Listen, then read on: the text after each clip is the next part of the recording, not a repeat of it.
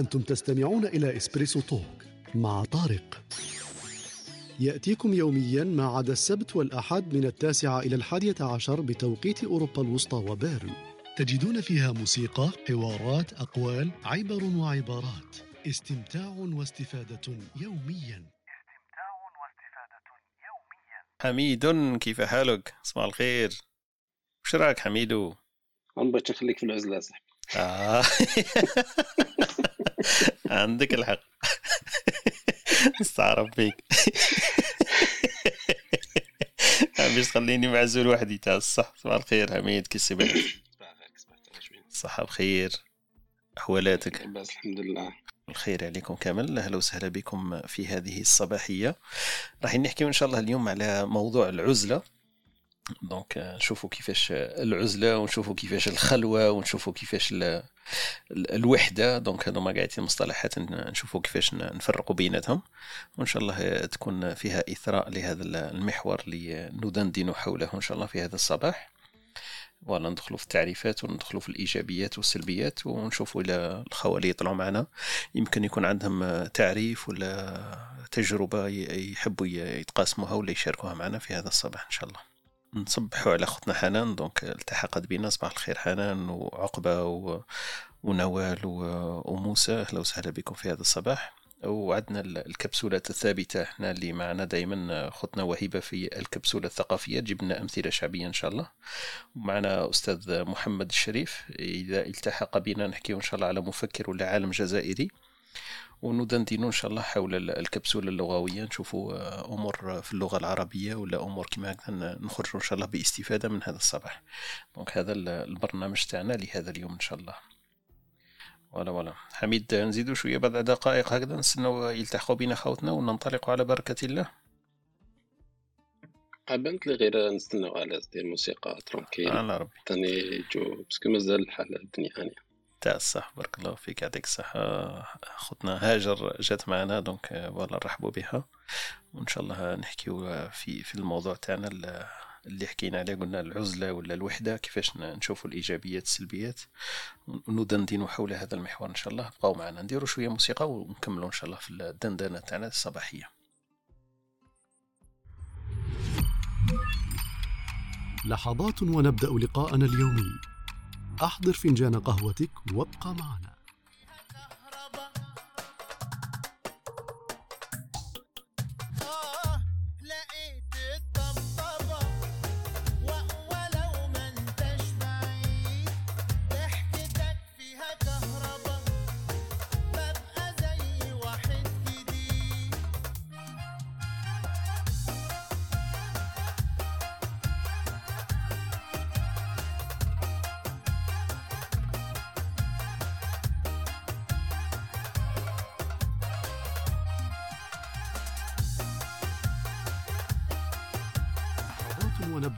لقاءنا اليومي أحضر فنجان قهوتك وابقى معنا.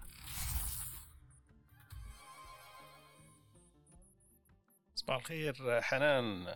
حنان وش راكي؟ السلام عليكم صباح الخير عليكم جميعا. السلام عليكم أستاذ طارق. صباح الخير حنان. آه اليوم آه، أتيت باكرا. أنا كنت راح نقولها لك كنت راح نقولها لك كي نحيتي هذه. راح تقولي لي اليوم ماني وجدت روحي وما خليت حتى حاجة تفوتني. أهلا وسهلا بك حنان صباح الخير. نعم. آه صباح الخير المواضيع صباح الخير أستاذ حميد. الموضوع ال- الأهل يعني كان عندي ما أقول لكن آه، آه c'est vrai تفكرت البارح البارح ولا البارح كان عندنا الأهل صح؟ أنا كنت طلعتكم بعد finalement كان عندك مشكل يمكن في connexion ولا حاجة؟ يعني كنت في العمل آه صح يا. عندما تسنح الفرصة لا ال- صح صح. يعني تكونون تتحدثون لذلك كنت أصعد وأنزل. صح صح. لا ما كانش مشكل استسلمت يعني لم لم أصعد أصلا إلى الستيج. لا لا أهلا وسهلا بك. لما يكون عندك متسع من الوقت ولا تحبي تشاركي دائما أهلا وسهلا بك. كذلك كذا كالشخص الذي يتحدث ولا يسمع يعني.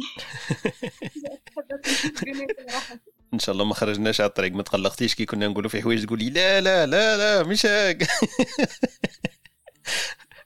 والله العظيم. لا لا إن شاء الله آه، خير. كذلك أن أنسى أريد أن أشكرك جزيل الشكر لأنه آه، قمت بعمل جيد يعني أجبت وأبدعت في آه، الحصة التي قمت بها يوم السبت على ما ضيافة آه يوم آه exactement درنا اللقاء هذاك ال interview مع الدكتور بالقاسم صح؟ يا يا. يعني كان لقاء جيد ورائع. أتمنى أن يعاد مع okay. أشخاص إن شاء الله. إن شاء الله. آه مازال ما حطيتهاش. من شوية متأخر ومتذبذب. آه، حاب ندير لها الإخراج اللي يليق بها تاع الصح. هكذا باش نحطوها بودكاست يستفيدوا الناس اللي ما حضروش. donc آه، voilà. راني متوخر شوية لكن آه، voilà. بارك الله فيك. donc تياكي سمعتيها live donc استفدتي إن شاء الله من من هذاك اللقاء والمعلومات اللي عطاها لنا الدكتور بالقاسم. عرفنا عليه شوية في في خباياه وفي أسرار تاع الحياة تاعو. donc هذه ال- الهدف تاعنا. donc هذه اللي حبيت نروح لها إن شاء الله. يكون عندنا ضياف واحد آخرين إن شاء الله ضيوف واحد آخرين ونستفادوا إن شاء الله. أنت لا عندك اقتراحات ولا ناس تعرفيهم ماذا بينا بعد بعثي لي. البارح شفتك باللي كنتي راح تبعثي لنا audio message ومن بعد ما بعثتيش. كان فيه صفر صفر صفر ثانية. صح؟ آه ما تسجلش يعني بعت لك بعض المواضيع يعني آه. آه ما بعث والو voilà exactement أنا قلت أكيد يا غلطة يا هي حبت تجرب. لكن لحقني. ال message إنه فيه صفر صفر ثانية ما فيه والو. آه، بعت مواضيع. البارح كنت آه. تهضروا بداو يجوني مواضيع. آه ما لا شوفي عاودي عاودي وشوفي لا يكون يسجل لأنه يمكن انت ضغطتي ونحيتي ال- اليد تاعك. يمكن تمي ضاغطه ولا حاجة كيما هكا لأنه وصلني message وعرفت الاسم تاعك لكن آه، ما فيه حتى حتى ثانية donc صفر صفر ثانية. donc عاودي وأهلا وسهلا. ماذا بي أنا؟ ال- ال feedback تاعك. يعطيك الصحة. شكرا لك حنان. آه، شكرا بغيت نعطي مداخلة تاعي خفيفة باش نرجع أي. تفضلي تفضلي يا. آه، بخصوص العزلة مازال ما نش عارفة حضرتوا ولا ما حضرتوش مازال ما بديناش لكن ما دام عندكتي الوقت تفضلي نسمعوك إن شاء الله يا. لأنه أنا الأسبوع السابق كنت ندخل معكم كل يوم كنت في الحجر الصحي يعني ما كان عندي ما ندير آه okay لا أستطيع آه ذكر. آه عند- عندك ما تقولي مالا في العزلة كيفاش عقبتيها donc العزلة هذيك؟ آه، أنا شخص آه، بيني وبين يعني انعزالي اجتماعي منعزل. OK. إذا إذا كان هذه الشخصية ولا أنا نشوف روحي هكا. لأنه أنا نشوف السلب آه، لأنه نشوف العزلة عندها جانب سلبي وجانب إيجابي. مهم. ماشي كاع العزلة حنا كي نسمعوا مصطلح العزلة نسمعوا بطريقة أو هذا منعزل معناتها حاجة سيئة. لكن صح. لا الحقيقة تكون حاجة مليحة. مهم. إذا كان هذا الشخص اللي انعزل في آه، مثلا عمل شيء يحبه ولا ابتلاء بكتاب ولا سماع موسيقى ولا حتى. العبادة يعني في العبادة نشوفوا هذوك ال- العباد ال- يكونوا منعزلين. صح صح سموها الخلوة ولا ال- الاعتكاف صح قادره إيجابية صح. إيجابي نعم. في الصلاة ولا كذلك العمل يعني ممكن واحد ينعزل في العمل يعني يكون منعزل بصح راح يقوم بعمل. وهذا شيء جيد. أما ال- العزلة اللي مش مليحة هي هذيك اللي تكون ممكن مرض نتيجة مرض نفسي ولا إحباط من بعد الإحباط ولا ال- الحزن يكون هذاك الانعزال بعد تراكمات ولا مشاكل. هذا يكون صح انعزال واللي يكون لازم له علاج ممكن. يكونوا مع إذا كان أخصائيين نفسانيين. بعد يجوا لأن الموضوع عنده جانب نفسي. أما ال- العزلة في في شيء إيجابي يعني أنا أنا أفضل العزلة أحيانا. يعني أي إنسان فينا ممكن مليحة ليه مليحة ليه هاد ال- هاد ال période de confinement اللي راهي تصرا دروك في كورونا. والله إنه الإنسان يريح مع روحه يشوف يعني يراقب حياته عن بعد. يعني يكون هو من جانب هذاك من زاوية المتفرج ماشي من من جهة كيما دروك يعني المشاهدين ماشي اللي راهم في ال stage يهضروا يكون مشاهد يشوف حياته ويراقب ما صار يعني أنا على عشر سنين وين نكون أنا على خمس سنين وين نكون هذه كيفاش يديرها الانسان كي يكون منعزل مع نفسه يقدر يخمم في حياته يقدر يعاود شغل يعاود يرتب اهدافه لأنه الاهداف أحيانا تعاود يختل الترتيب تاعها ويكونوا كاينين اولويات الانسان يعني تغيرات في حياته بدلوا الاهداف الاولويات تاعو لذلك العزلة مليحة.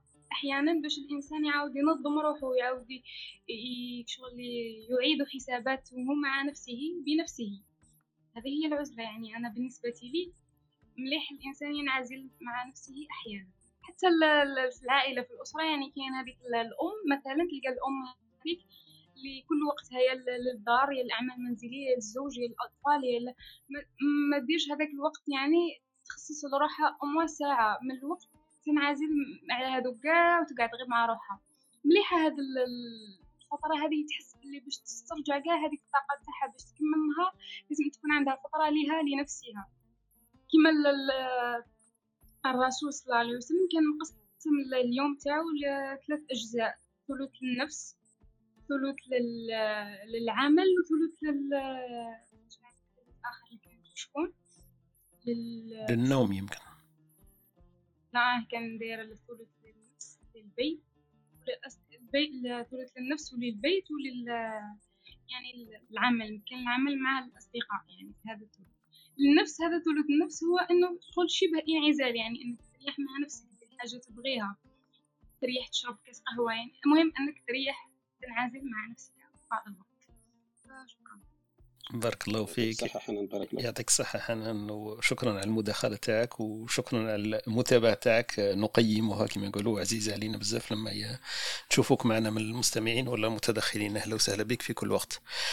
دونك آه، كانت هذه المداخلة تاع أختنا حنان آه، أبت آه، باش تشاركنا لأنه عندها التزامات فحكت لنا على العزلة في التعريف تاع أختنا حنان. قلت لك ماشي دائما لما الناس يسمعوا باللي هذا شخص منعزل يمكن ولا يقولوا له انطوائي ماهيش هذاك هو التفسير السلبي اللي يمكن الناس ألصقته بهذا المصطلح. قادرة تكون إيجابية لأنه الإنسان يقدر يركز أكثر. ويكون إيجابي في العمل تاعو وحتى في الحياة تاعو باش ياخذ قسط من الراحة ويراقب ال- الأهداف تاعو. لازم له شوية العزلة هذيك ولا ال- ال- التركيز هذاك كي يكون وحده يقدر يخمم في الأمور هذه تاعو. وحتى العزلة مع النفس عندها جانب إيجابي بزاف. أعطتنا مثال على الأم مثلا اذا كان نهار كامل وهي تخدم وكلش وقتها هي تخمم في العمل تاعها وقتها هي تاخذ ال- القسط تاعها باش تعاود تشحن البطاريات كما قالت هي ولا تسترجع الطاقة تاعها. وأعطتنا حتى مثال في في الدين الإسلامي تاعنا مع النبي صلى الله عليه وسلم إنه ال- اليوم تاعو كان مقسم وفيه هذاك الجزء ال- لل- للتركيز ولا للعزلة ولا للخلوة إحنا نسموها في الدين يمكن مصطلح شوية ديني نقولوا الخلوة هذيك. donc من هذا الباب لكن يمكن هي حكت لنا قالت لنا الأسبوع اللي فات كانت في عزلة ولا حجر صحي وما حكتناش على التجربة تاعها في الحجر الصحي كيف كيفاش عاشتها ولا آه، قداه كتاب قراته ولا قداه مقالة كتبتها في هذيك العزلة هذيك. donc voilà رحبوا ب- بخوتنا وهيبة. أهلا وسهلا بك. صباح الخير أختي وهيبة. صباح الخير. كيف حوالكم وكيف حالكم؟ الحمد لله. السلام عليكم. صاحب صباح الخير. صباح الخير إن شاء الله. حميدة موضوعنا العزلة. حميدة وجانيه صباح يجري قال لي ما نخليكش في العزلة وحدك. آه oui. donc آه، هذا هو صاحبي قال لي ما نخليكش أنا في العزلة ما دام العزلة سلبية ما ما نخليش خويا وحده طلع معايا الصباح مبكرا ولا باكرا. donc آه، كان معايا. رحبوا بخوتنا اللي راهم ملتحقين بنا في هذا الصباح. إن شاء الله تكون استفادة وفائدة. نحكيو إن شاء الله على موضوع العزلة ونشوفوا الإيجابيات السلبيات ومتى تكون العزلة ضرورية ومتى صح تكون مرضية ويجب معالجتها. ونحكيو على الآثار تاعها في الحياة تاعنا اليومية مش من الآثار برك إنه حكاية كما كنا نحكيو على الخلوة وال وال والإعتكاف والأمور هذيك الدينية اللي نربطوها أكثر بالعزلة. رحبوا بخوتنا. اختنا ناريمان يمكن معنا. اختنا نوال آه، خونا فاتح أهلا وسهلا بك. خونا يونس آه، خونا كمال حرز آه، حريزي أهلا وسهلا بك. خونا عمر في هذا الصباح. إسلام كذلك معنا اليوم. حنان كانت دخلت معنا أهلا وسهلا بك. حنان حابه تضيفي يمكن شيء في العزلة هذيك. تفضلي اللي حبيتي تزيدي تطلعي معنا. كان معنا عقبة هاجر في هذا الصباح وورده دونك أهلا وسهلا بكم في هذه الصباحية اللي نحكيو حول محور الدندنة تاعنا تاع اليوم هو محور العزلة. حنان كنت حابه تضيفي شيء؟ يمكن تفضلي. نعم لا نعود آه، فقط في التجربة تاعي أنا مانيش آه، شغل والفتها أن ندير وقت فترة هذه الحجر. في الأول صح جاتني آه، جديدة وقمت بأشياء جديدة. لكن الآن شغل أنا أعمل يعني عن بعد ما نص الوقت كنا في العمل ونص آه، يعني نهضر لك على فترة الحجر الصحي. في الأول صح في بداية ال- الجائحة كان صح الحجر الصحي شيء غريب بالنسبة لي. فأنا شخص اجتماعي شوية مه. ال- الأشياء اللي قمت بها مثلا كنت نقوم بأشياء جامعة تسألني روحي أني نديرهم يعني آه، الإنسان صح يكتشف روحه في فترات العزلة أعطينا مثال حنان مثلا الأمور اللي عمرك لا كنتي تتخيلي روحك درتيها واللي درتيها في في العزله هذه. يعني قريت- الكتاب آه، ما كنتش نتسنى روحي نقرا نقرا لهم. تسمى ما ديكوطاج تاع كاين ما تقراي هذاك اللي كاين تحت يديك تقرايه صاي. شعرت شعلت جهاز التلفاز اللي أنا ما نشعلوش اطلاقا يعني. آه أوكي. كان عندي أشياء يعني قمت بها هذا يعني من بين هذه الأشياء. يعني راه عندي عام باللي آه، الأخر نسيت يعني أول مرة درت الاشياء. اللي قمت بها. لكن آه، صح الإنسان يقوم بأشياء م- بديت ناكل حلويات اللي هي حاجة ماشي مليحة. يعني اشياء ماشي مليحة نقوموا بهم في الحجر الصحي OK. صح بارك الله فيك حنان يعطيك الصحة وشكرا على المداخلة تاعك والمشاركة الصباحية تاعنا في هذا اليوم اللي نحكيو فيه كما قلت على محور العزلة. ننطلق يمكن gentiment كما نقولوا آه، بشوية بشوية ننطلقوا في ال- في المحور تاعنا ونشوفوا كيفاش واش نقدروا نحكيو على ال- العزلة في هذا الصباح. وأكيد كما قلت لكم فيه ال- ال capsules الثابتة تاعنا مع اختنا وهيبة في الكبسولة الثقافية في الأمثلة الشعبية.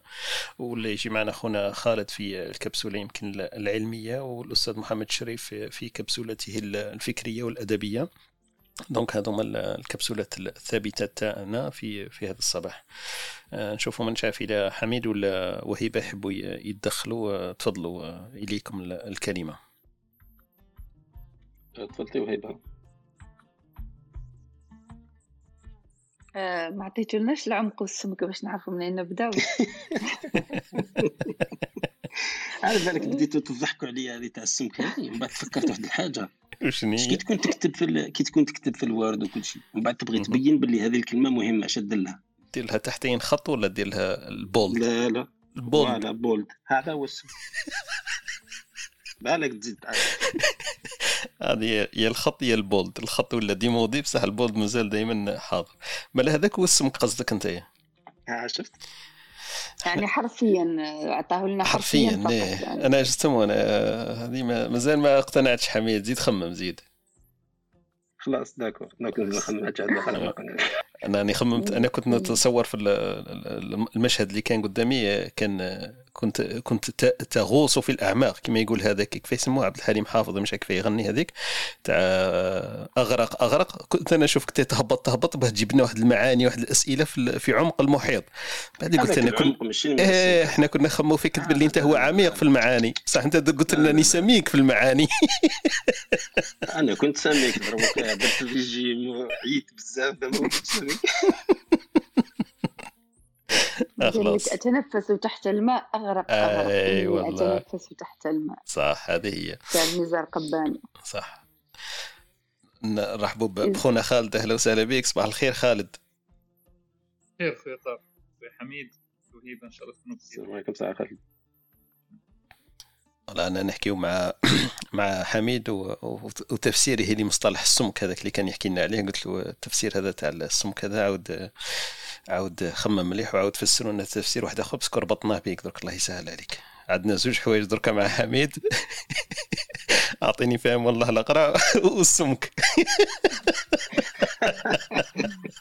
نلعب كي- كي ما عم تفهمش السمك. أنا ما عندي ما آه دي حاجتك يا حميد الله يسهل عليك.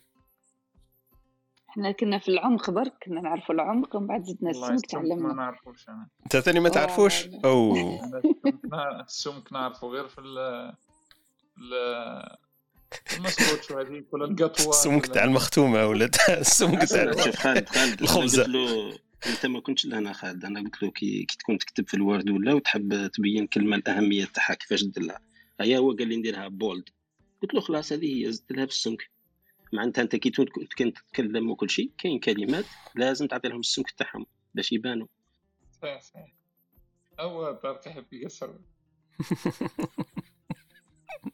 أنا نحب نستفز حميد حميد هو أحسن ما يكون عندما يستفز. إذا اليوم العزلة العزلة هيك مثل ما قالت أختي حنان آه، أول مرة عشنا عشنا عزلة بشكل غريب هي أيامات الكونفينمون هذه في الناس اضطرت إنها ما تخرج ما تجريش ورا الحياة كما كنا موالفين كنا كي تنوض الصباح عندك مية حاجة لازم ديرها عندك liste لازم تتبعها تبدأ تبدأ من الواحد وممكن توصل من خمسة على عشرة في المدن الكبرى يعني نص واش كنت حاب دير وكان النهار ما يكفيكش و... ولازم تخرج ولازم دا ولازم دا كي جا ال confinement عشنا عش... آه، عشنا حاجة غريبة جدا يعني أول مرة نعيشوها في حياتنا هي أنك ممنوع أنك تخرج من دارك. إحنا قاع الوقت عندك في الدار آه، هاك مريح الناس قاعدة تون فامي الناس ولات تهضر مع بعض آه، ولينا اخترعنا نشاطات يعني في البيت الأولويات كلها تغيرت عاودنا رتبنا أولوياتنا. معناها الناس أول مرة تبدأ تخدم من الدار يكون عندها وقت. يعني عشنا حياة يعني كنا نشوفها فقط في الأفلام يعني أنا كي كنت نشوف هذاك.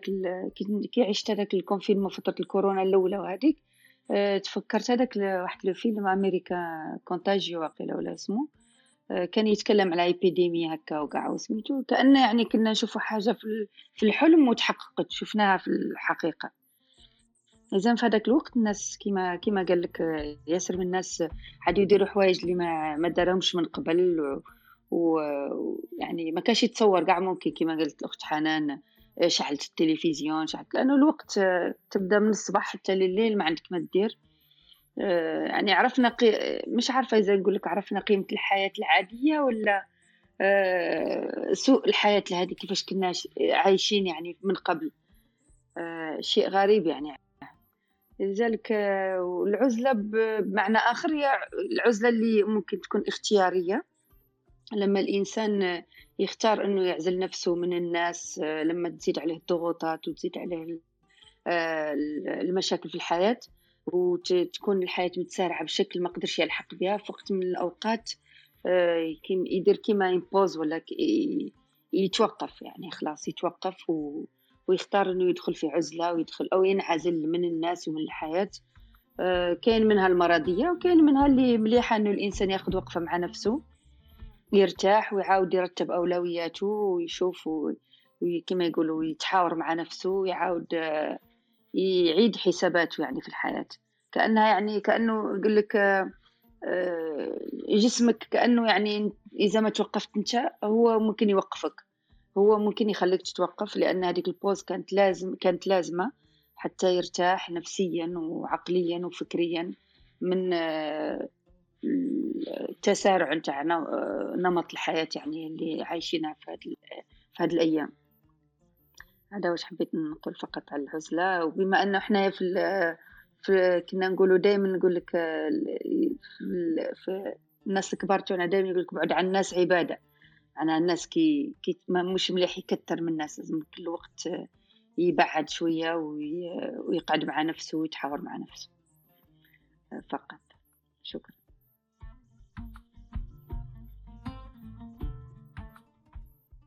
بارك الله فيك أختي وهبة. شكرا على المداخلة تاعك. هذه- مش هي ال- الكبسولة الثقافية تاعنا. كاين كاين أمثلة واحدة أخرى. أنا سمعت واحد دركا أنا سمعت واحد جربته لكن مازال مازال ما نديروش الكبسولة الثقافية تاع تاع أختنا عندي وهبه فقط بغينا ندخلوا في في, صح. الطول يعني صح بارك الله فيك. طولا هكا يعني. صح بارك الله فيك. يعطيك الصحة أختي وهبة. شكرا على المداخلة تاعك وعلى التعريف. صح إحنا العزلة فترة الكورونا يمكن كانت أكبر درس تعلمته البشرية وتعلمه كل شخص يمكن في في العزلة وكانت إجبارية يعني لا اختيارية لكن تعلمنا منها أمور كما قلتي أنه ي- الأعباء تاع الحياة تتطلب ساعات أنه الواحد ينعزل شوية باش هكذا يعاود يشحن البطاريات كما كانت يمكن أختنا حنان ثاني طرقت لهذا المفهوم.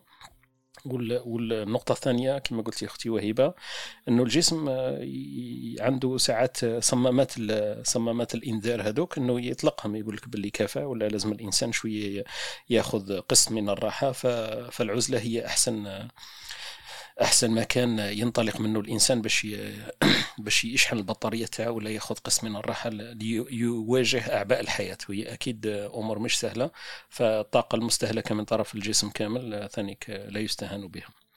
بارك الله فيك. نشوفوا مع خونا حميد ولا خونا خالد في فيما يقول في هذا المحور محور ال- الدندنة الصباحية تاعنا إن شاء الله. نحكيو على العزلة نحكيو على التعريف تاعها. النقطة الإيجابية فيها يمكن والنقطات السلبية ونحكيو حتى على المفاهيم اللي اللي الإنسان يمكن إحنا في الجزائر ولا في المصطلحات تاعنا نقولوا الخلوة ولا نقولوا الأمور هذه ونعرفوها حتى في الجانب الديني. كما حكيت قبيل قلت حكاية التهجد والاعتكاف آه، معروفين في في المفهوم الديني تاعنا كعزله وإيجابية أغلبها. لكن فيه إنسان يمكن يطلقوا عليه هذاك المصطلح اللي يسموه هو الانطوائي ولا الانعزالي. فساعات الناس تروح للجانب السلبي من هذا المفهوم. رحب خوتنا اللي راهم معنا في هذا الصباح مرة ثانية. دونك معنا اختنا نوال خونا كمال حريزي أهلا وسهلا بكم. اختنا أمينة خونا كمال الدين أهلا وسهلا بك. معنا أستاذ عقبة أختي هاجر حنان ياسمين. دونك هذوما كامل معنا في هذا الصباح. إن شاء الله تكون فائدة واستفادة. آه، نشوفوا مع أخونا خالد. خالد ما في العزلة يقال؟ آه، صباح الخير. آه، بارك الله فيك خويا طارق. موضوع مهم جدا. وأشكر أختي وهيبة على على المقدمة. وأظن أن قضية ال- الكوفيد كان أصعب بكثير على الرجل لأن الرجل دائما- كان يهرب من واقعه آه، إلى الخارج. فالكوفيد حطاته في الأمر الواقع وكان لابد أنه ينعزل مع عائلته حتى يفهم الديناميكية أفضل. ونظن أنه اللي ما فشلش في مرحلة الكوفيد خاصة في علاقاته راح ينجح بدرجة كبيرة في المستقبل. وهذا الجانب الإيجابي الكبير من من الكوفيد.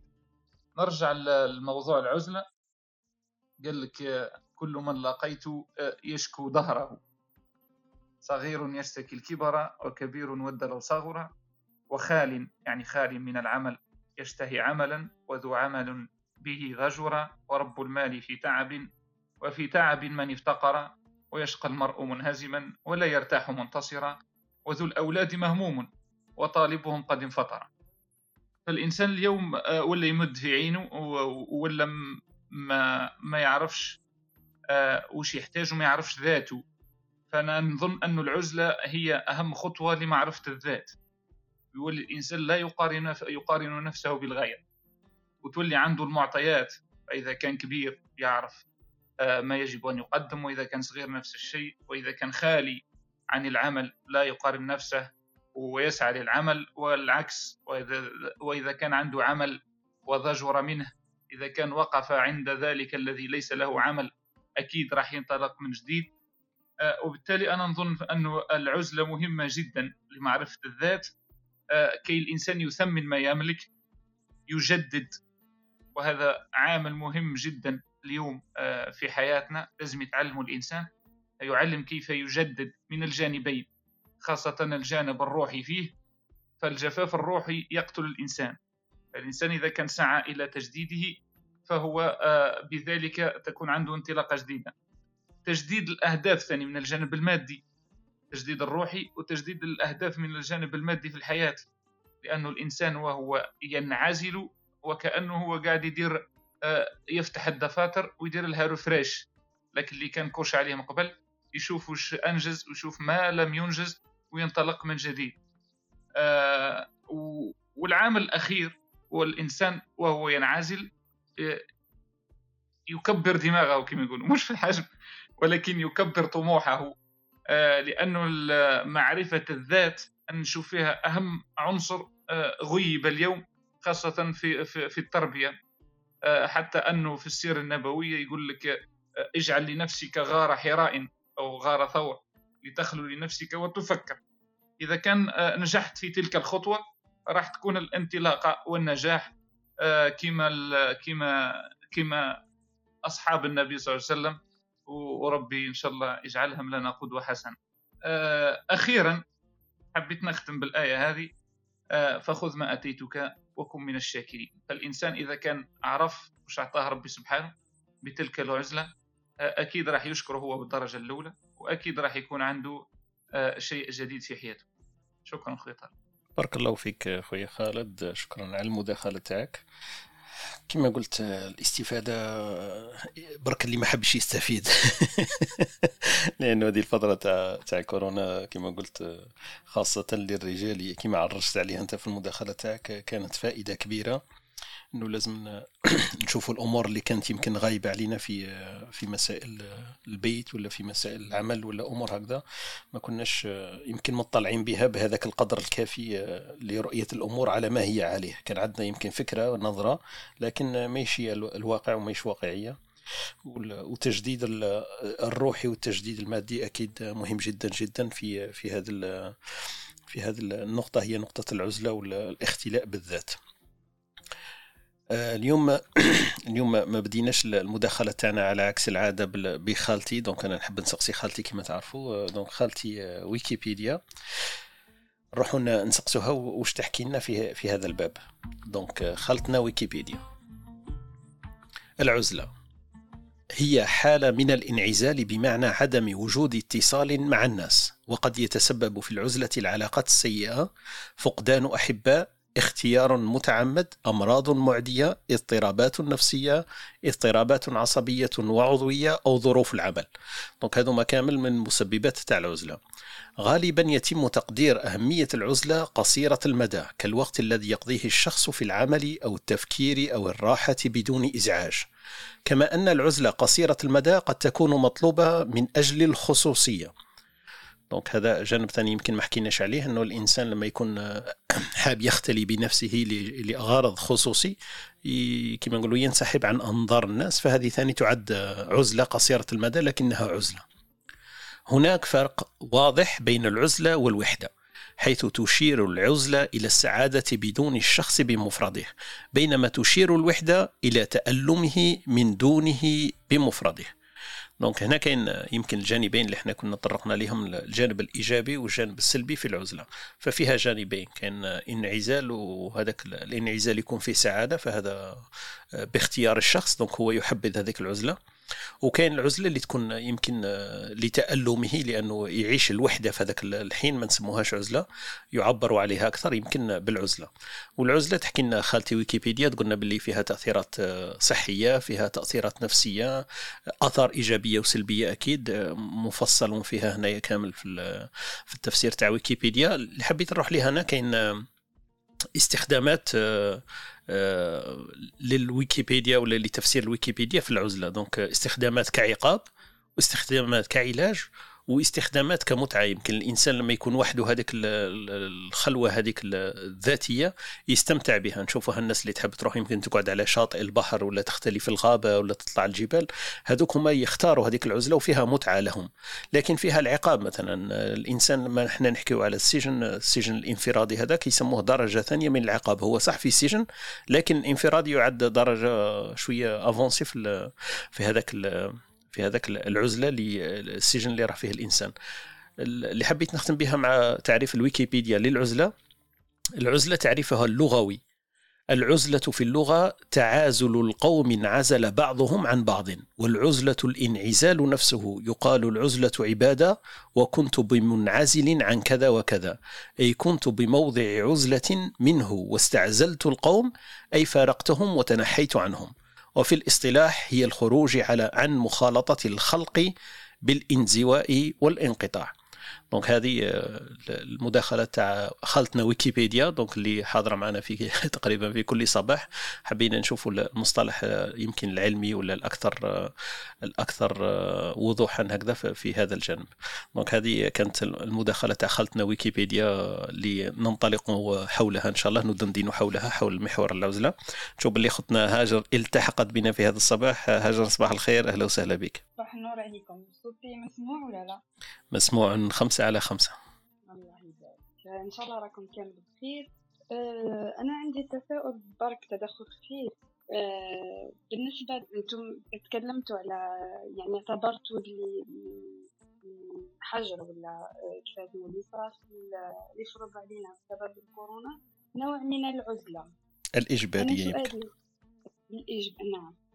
أه يعني هل نعتبره هل فعلا مثلا إذا الحجر هذا هل فعلا يحقق العزلة مع يعني وسائل التواصل الاجتماعي التلفزيون هذه هذه القنوات كل الخارجية كل اللي ما تعزلكش يعني آه ما مدى آه تمكننا من العزلة؟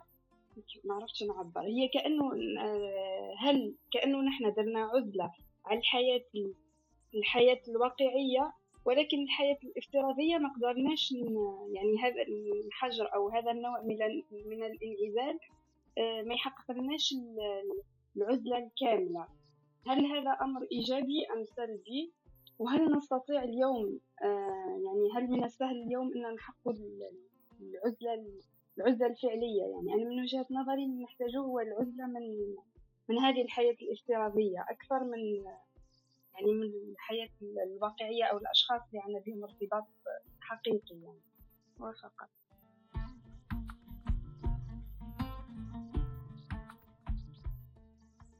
بارك الله فيك هاجر. هاجر أنا فهمتك كما نقولوا ثاني صوتك خمسة على خمسة والفكرة والسؤال تاعك وصل خمسة على خمسة. هل يمكن صح نسمو هذه العزلة الإجبارية اللي إحنا نسموها اليوم عزلة؟ في ظل وجود كل هذه الوسائط التواصل الاجتماعي من إنترنت من تلفزيون من من كل هذه الوسائط صح نقدروا نكونوا في عزلة. هل هذه يقدر نسموها عزلة كاملة يمكن؟ ولا ماهيش عزلة كاملة؟ وما هي العزلة الفعلية؟ صح لما نكونوا في عزلة وكتاش نسموا هذه كتكون عزلة؟ دونك هذا هو السؤال يمكن تاخذنا هاجر نحيل يمكن السؤال الواحد اللي يحب خالد ولا حميد يحبوا يجاوبوا تفضلوا. آه، خالد تحب تجاوب؟ روح حميد روح. أنا هدرت روح جاوب أنت ومن بعد نعقد أنا تفضل إذا كان تقدر. إذا كان ماكش عليز نهضر شوية. السؤال تاع هاجر جوهري صح؟ لأنه العزله العزله صح العزلة إحنا نعبروا عليها لأنه نقولوا العزلة انعزل عن الناس انعزل عن مخالطتهم سماع أخبارهم والتفاعل معهم. لكن هذا المصطلح كما نقولوا يبقى يبقى كما نقولوا مشوه في ظل يسموها وسائط التواصل الاجتماعي فهي ضد العزلة. دونك هي عندها عندها الحق في السؤال هذا كما نقولوا 100% صح؟ سؤال وجيه صح؟ تفضل خالدي اللي حبيت. آه هو سؤال هو مسألة العزلة مسألة نسبية ونحن كي هضرنا على العزلة هضرناها آه من جانب أنه آه نمط الحياة تغير. بدل من أنه الإنسان آه معرف بالسيرورة نتاع الحركة وما إلى ذلك فهو توقف إلى حد ما.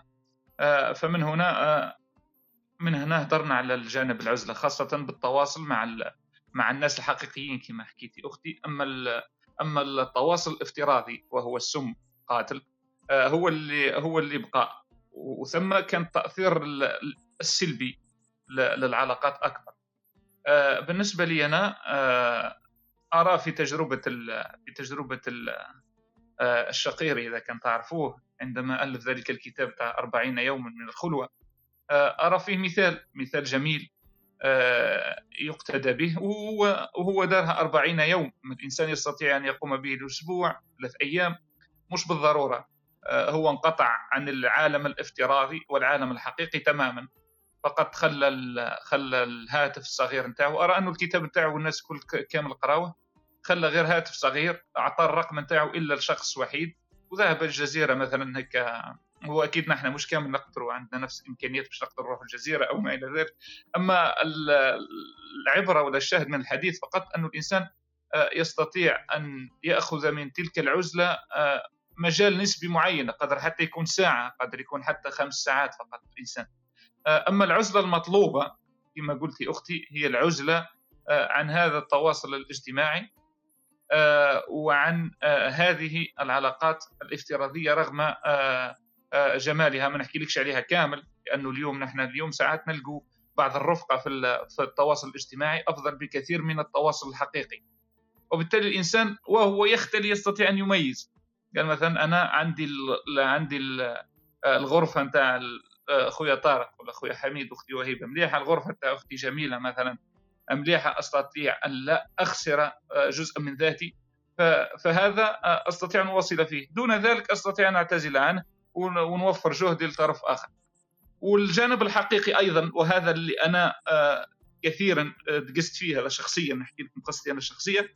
آه، كنا قبل العلاقات هذه الافتراضية والتواصل الاجتماعي أثرت حتى على علاقاتنا الحقيقية.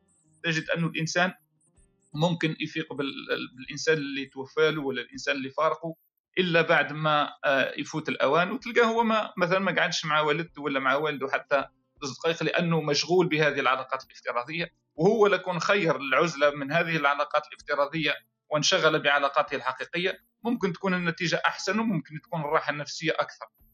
آه، وبالتالي هذا المصطلح أنا بالنسبة لي أنا نسبي. يتغير آه، حسب ليزانديكاتور اللي حطيتهم أنت. آه، فأول أول حاجة هو تعريف الذات. ماذا تريد هذه الذات؟ فإذا كان عرفت هذه الذات ساعتها تعريف العزلة يكون يكون بسيط وسهل جدا تطبيقه. أنا مثلا وأنا أتحدث إليكم الآن أنا في عزلة جميلة جدا لأني قاعد قاعد أتعلم وقاعد نعرف في ذاتي. عندما أعتزل مثلا مع آه، الأخت جميلة والاخوه الأخرين فأنا في عزلة آه، أعرف بها ذاتي وأعرف به العائلة مثلا تلك الجميلة التي انتمي إليها. آه، فإذا كان دخلت في مرحلة أخرى نتاع التباعد ولا بعيدا عن ذاتي وما أريده أنا ساعتها لازم نعاود نراجع نفسي ونعاود نرجع للعزله جديدة التي أعرف بها آه، هكذا الليميتيشنز والله أعلم. ربما آه، أخذت الحديث في طريق آخر. آه، أما هذا ما أردت أن أقول شكرا. بارك الله فيك خويا خالد. أصبت في كثير وأخطأت في, لا شيء تقريبا أنا في نظري لأنه عرفت صح كما قلت. السؤال تاع أختنا هاجر قالت لك هل العزلة صح؟ نقدر نسموها عزلة في دور في في ظل وجود كل هذه الوسائل والوسائط التواصل الاجتماعي. لكن كما قلت أنت تبقى نسبيه الأمور دائما. وكما حكيت أنت المثل تاع كيف يسموه؟ الشنقيري هو اسمه يمكن لا محمد الشنقيري.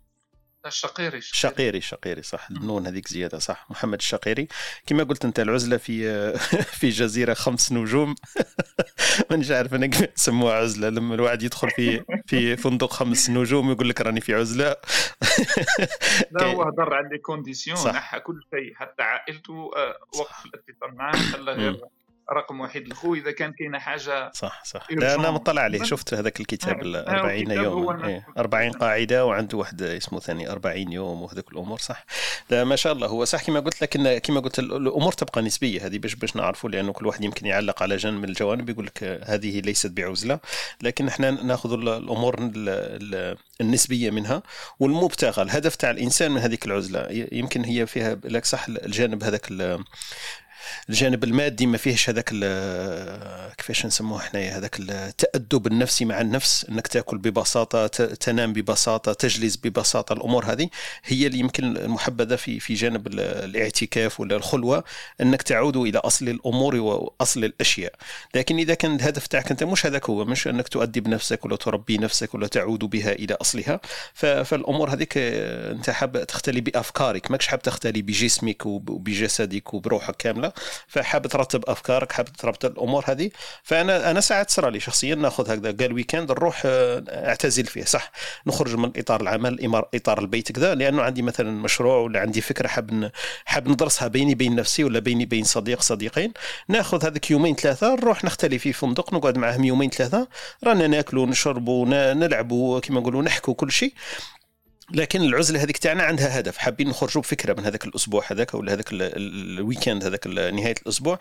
حابين نخرجوا فكره فهذه تعتبر عزلة. نخصوا كل تفكيرنا نوجهوا كامل. الطاقة تاعنا هذيك الفكرية ولا الذهنية لتجسيد هذيك ال- المخطط ولا هذيك الفكرة ولا وضع هذيك الاستراتيجية. فهذه تعتبر كذلك عزلة. وأنا كما قلت آه، أنا متفق معك آه، خويا خالد إنه الأمور تبقى دائما نسبيه donc ف voilà تفضل. على على على السؤال تاع يا. أنا بغيت نسألو بالمقلوب. آه، شغل ال- ال- العلاقات في واسمه في في les réseaux sociaux هما بحد ذاتهم عزلة. هذا هو المشكلة. آه عزلة. مهمة هذه النقطة. إيه صح. إيه، سما تنعزل بهذاك ال مم، صح. واحد من أنواع العزلة الآن. مهم. اللي catégorisée دروك. هي هي ال- اللجوء les réseaux sociaux السؤال تاعها انه استبدلنا هذه اللي بغات تقولها هي. est-ce que كانت فرصة انه استبدلنا وطحنا ضحية les réseaux sociaux. من حيث انه كانت كنا من المفروض نغتنم الفرصه و- ونشوف هذيك العزلة في في في un côté آه،. واقعي ماشي افتراضي شغل استبدلنا ال- الواقعي بالافتراض مهم. فهذا هذا سؤال مشكلة خاطش علاش آه، العزلة إلا حكينا عليها ما تقدرش تحكي عليها بلا ما تحكي على العلاقات. صح. هذا هو المشكلة تاعها. ف كان من الأجدر أنه نحكوا على العلاقات. فعلاقة سليمة ما تقدرش تكون بلا عزلة سليمة. والعزلة السليمة ما تقدرش تكون بلا علاقة سليمة. فالقدره لا كاباسيتي ستادير. هما لي زوج ديناميك. العزلة. كيف كيما العزلة كيما العلاقة كيف كيف؟ تخيل هما كيف كيف. شغل اللي كيما ال كيما ال كيما السكات في la musique شت شت شت ال silence ال silence هو اللي يدير la musique تخيل انت لو كان ما كانش ال silence ما تقدرش ما تقدرش تعرف la musique معم شغل la musique معمرة silence أما ال- الوحدة تقريبا هذاك هو ال ratio اللي كاين في العلاقات. شغل من ذاك الإنسان يكون في عزلة باش يقدر يكون عنده علاقات سليمة. وما يقدرش يكون عنده علاقة سليمة لو كان وما يقدرش يكون عنده عزلة سليمة لو كان ما يكونش عنده علاقات سليمة. والهدف هو هذا مع التالي. الهدف أنه يكون عندنا علاقات آه، ذات جودة عالية.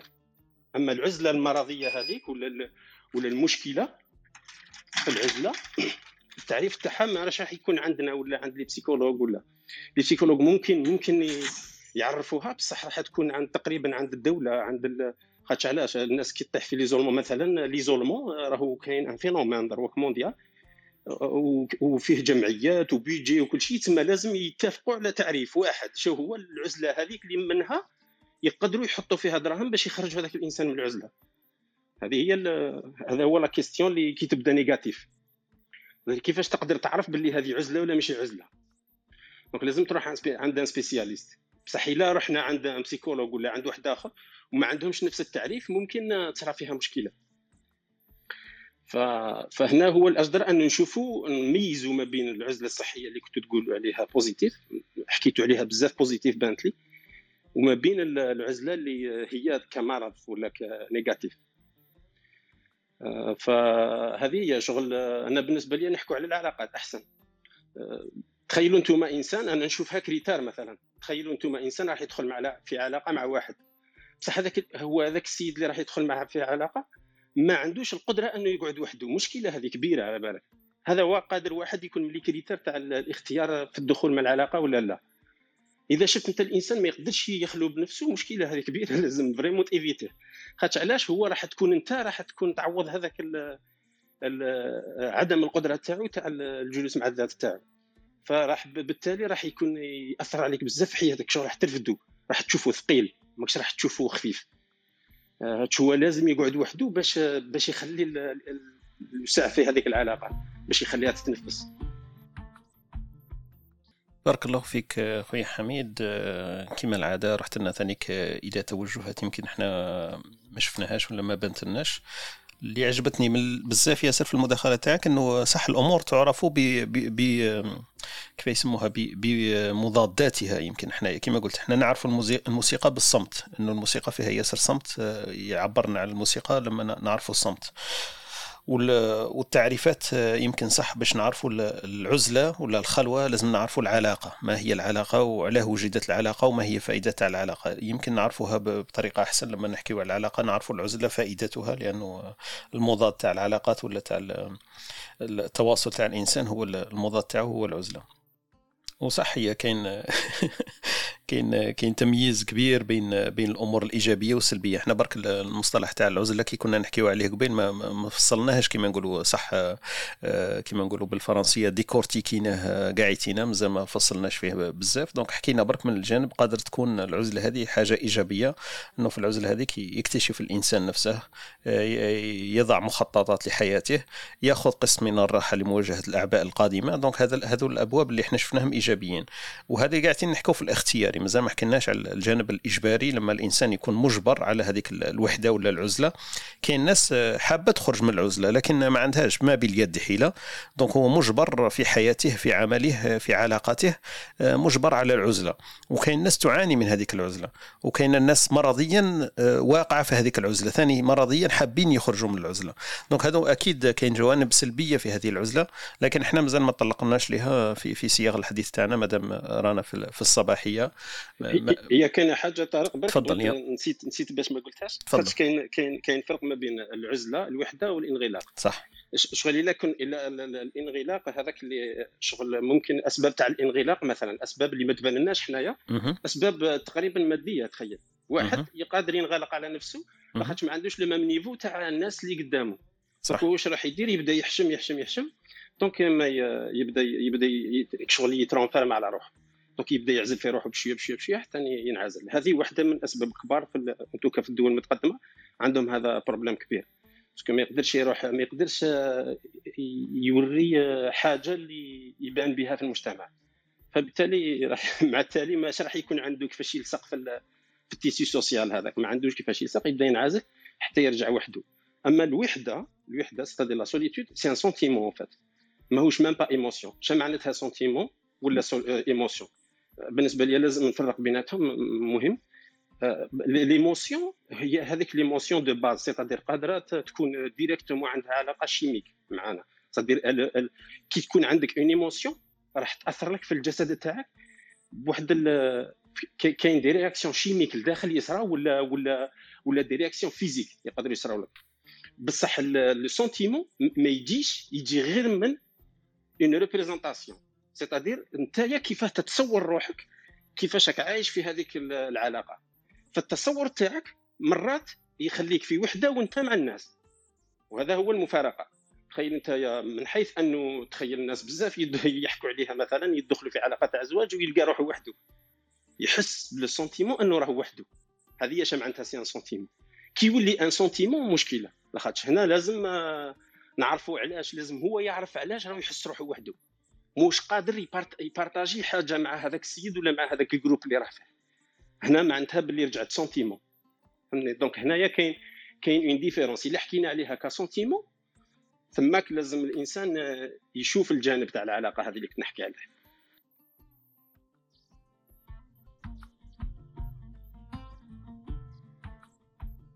بارك الله فيك خويا حميد. كلامك صح كما نقولوا كله في الصميم. التفريق بين المصطلحات les sentiments les émotions الأمور هذه. وأنا جات في بالي لما حكينا على موضوع الغربة يمكن موضوع يختلف لكن واحد من خوتنا يمكن صالح قال لك الغربة غربة صح صعبة ولكن أصعب الغربة أن تكون غريبا في وطنك. فأنت لما حكيت على هذه ال- العزلة لما يكون الإنسان في وسط ناس ويحس بالعزلة فأنا لي هذه كما نقولوا أمر الأمرين صح؟ لما يكون الإنسان في علاقة مثلا علاقة زوجية ولا في أسرة بينه أهله وأبنائه ولا كذا ويحس بالعزلة فأنا لي هذيك أصعب عزلة يمكن الإنسان أن أن يعيشها ولا يتحملها ولا يشعر بها لما تكون في وسط ناس تهدر معهم كل يوم لكن حاز بالعزلة. أنا في بالي صح كما نقولوا تكون الأمور صح صعيبة بال- بالدوبل كما نقولوا مضاعفة ولا ضعف ضعف ال- العبء هذاك اللي يكون. آه، نرحب خوتنا اللي راهم التحقوا معنا في هذه الصباحية. نحكيو إن شاء الله اليوم على محور العزلة. دونك معنا خوتنا نينا يمكن مريم. خوتنا نوال أهلا وسهلا بك. باية خديجة أحمد آه، خونا نذير أهلا وسهلا بك. كمال الدين حنان أمال آه، بن حرز الله يمكن خوتنا جميلة خوتنا سعيدة أهلا وسهلا بك. سارة أمينة عقبة آه، ياسمين وردة ريم. وطلعت معنا اختنا هاجر في هذه الصباحية. دونك ندندن حول محور محور العزلة ونشوفوا إذا كان الناس عندهم تجارب ولا عندهم أمور يتقاسموها معنا في هذا في هذا المحور. اللي ندندن حوله أكيد نطرقوا بعد إلى ال- الكبسولة الثقافية ولا الكبسولة الفكرية مع الأستاذ محمد اللي يطلع معنا والكبسولة الثقافية أكيد مع اختنا وهبة بعد حين. خويا خالد آه، عن- عندك ما تقول؟ ولا أختي وهبه من شافي اللي حبوا ت- تدخلوا آه، واش كان يقول لنا خونا حميد في في مجال les sentiments هذوك و les émotions؟ إنه فيه أحاسيس وفيه مشاعر والانسان كاين المشاعر هذه هي les émotions يمكن فيها فيها réaction chimique كما قلنا donc الإنسان الجسم تاعو يتفاعل مع أمور يسموها des émotions منها الضحك الفرح الخوف القلق واحدة منهم يمكن العزلة هذه ولا الوحدة. وكاين آه، des sentiments donc des sentiments هادو c'est مشاعر. المشاعر آه، تختلف ماهيش الأمر. اسمح لي طارق. ماهيش هي ماهيش émotion وشن هي les émotions. l'émotion شنو هي؟ قول لي. قادرة قادرة émotion تولد sentiment اللي هي l'ennui ممكن الملل. الملل قادر قادر يولد آه، الوحدة. ال sentiment تاع الوحدة. مهم. فكشغل الإنسان كي يكون مال هكا شغل يكره وحده صح صح. قال لك واحد ال- واحد الكاتب اش قال لك؟ قال لك المشكلة في الحبس. ماهوش الحبس؟ قال لك المشكلة في الحبس هذوك اللي حبسوهم الوالا ولاو يوروا لهم باللي راهم يسوفروا. لو كان ما سوفراوش لو كان ما ولاش كون شافوا طريقة واحدة أخرى تاع حبس مليحه هذه استنى الفيدباك حميد. صباح الخير صباح الخير من حرز الله. أهلا وسهلا بك آه لا مش بنت والله ما عقلتك أنا ثاني ما شفتوش هذا. أنا سمعت صوته قلت بان فيها بان واحد آخر اشتق الاسم لكن بن حرز الله هو صاحبنا اليوم. أهلا وسهلا بك بن حرز الله. واش راكم واش الحال وش أخبارك؟ والله الحمد لله. حالك وهي. كاع الحمد لله والله الحمد لله. هاجر خالد واش راكم كاع الله يبارك فيك إن شاء الله. بن حرز الله واش تحكي لنا على العزلة؟ أنت يمكن عشتها ولا عايشتها ولا ولا عندك مواقف صارت لك في العزلة؟ ما أنا نحبها ما نكذبش عليك يا طارق. آه أنت يسموك منعزل ولا انطوائي؟ ما والله ماني عارف اش تقدر تقول عليا. أنا من بكري على بالك نحب نخدم في الصحاري نحب نخدم بعيد نحب نروح البلايص على بالك اللي ما راح حتى واحد. أها. فاهم كيفاه زينين يقول لك خلوي. يقولوا لها خلوية؟ إيه خلوي يعطيك الصحة. نحب par exemple نقرأ وحدي. والله ما نزيد عليك على بالك. مهم. القراية ثاني ما. malgré على بالك هذا ثاني c'est un défaut ماهوش مليح فيا. القرايه درك كي نقرأ نحب نقرأ وحدي على بالك. ما نحبش واحد ي- كيما يقول لك prof وقف لي على راسي ولا حاجة ولا هذه. ديتها بصح ماشي مليحة ما نكذبش عليك. ما نروحش لل prof خايله خلاص حصلت. فاهم كيفاه. نسيي نشوف كيما يقول لك نقرأ وحدي ندير لي les analyses ندير كيما يقول لك الآخرين référence books ولا حاجة. mais باه واحد مانيش عارف كيف هذاك le contact humain نحب نقص منه le maximum surtout le contact physique هذاك. معروف حتى في الدار يقولوها لي ثاني. فهمتني. mais سبحان الله عندي حاجة أخرى ثاني في ال social media ما عندي حتى problème نقدر نقصر مع الناس نقدر y a pas problème. نقدر ندير connections نقدر ندير كلش. بصح هذيك هذا ثاني défaut فيا. لو كان par exemple واحد يلصق فيا بزاف راك فاهم كيفاه. كل دقيقة يعيط لي ولا كل دقيقة يجيني يخرجني معاه ثاني ما نحبش. مرة زوج نقول له يا وليد الناس اسمح لي غير روح عطيني يرحم والديك على روحك. والله. مليح هذا التضاد اللي حكيتو لنا. قلت لنا باللي انت عرفت نفسك انك شوية منعزل هكذا تحب دير الأمور وحدك. بصح في نفس التعريف قلت لنا باللي ال social media ما عندكش فيها مشكل. voilà هذه ال contradiction اللي عندي والله ما فهمتها. صح. غادي نشوفوا مع الخبير في هذا الصباح. عبد الحميد يمكن يعطينا وصفة روشيتا سحرية. حميد ما يحبش كي نقول له كي نقول له نوجهه السؤال لحميد المختص يقول لي كي تجي تقول لي على. مختص أنا ما نتفاهمش معك وثاني وثاني نزيد نعطي وثاني نعطي نزيد نعطي information واحدة أخرى لحميد ثاني باهي les analyses تفضل. تاعو يخرجوا ملاح أيوة. ولدي آدم ثاني خرج كيما أنايا سبحان الله كيف كيف آه وراثيه سما حبيت تقول لنا تن- آه، تنتقل عبر. الجينات ها؟ ها وعلى بالك والله ما نزيد عليك أنا ما نزوجش والله ما والله ما بس هذا هذا السؤال لازم تطرح روحك. إيه إيه، بدي نقول لك بدي نقول لك بنعرض لنا. هذا لا، السيد. مادام قال لك هكذا كون هو كاع ما جاش. كيف راه يقول لك في حاجة؟ والله العظيم. أقسم قول له بالله، على بالك قول له كاين هاك وهاك. قول له هذه ما تروحش بعيد.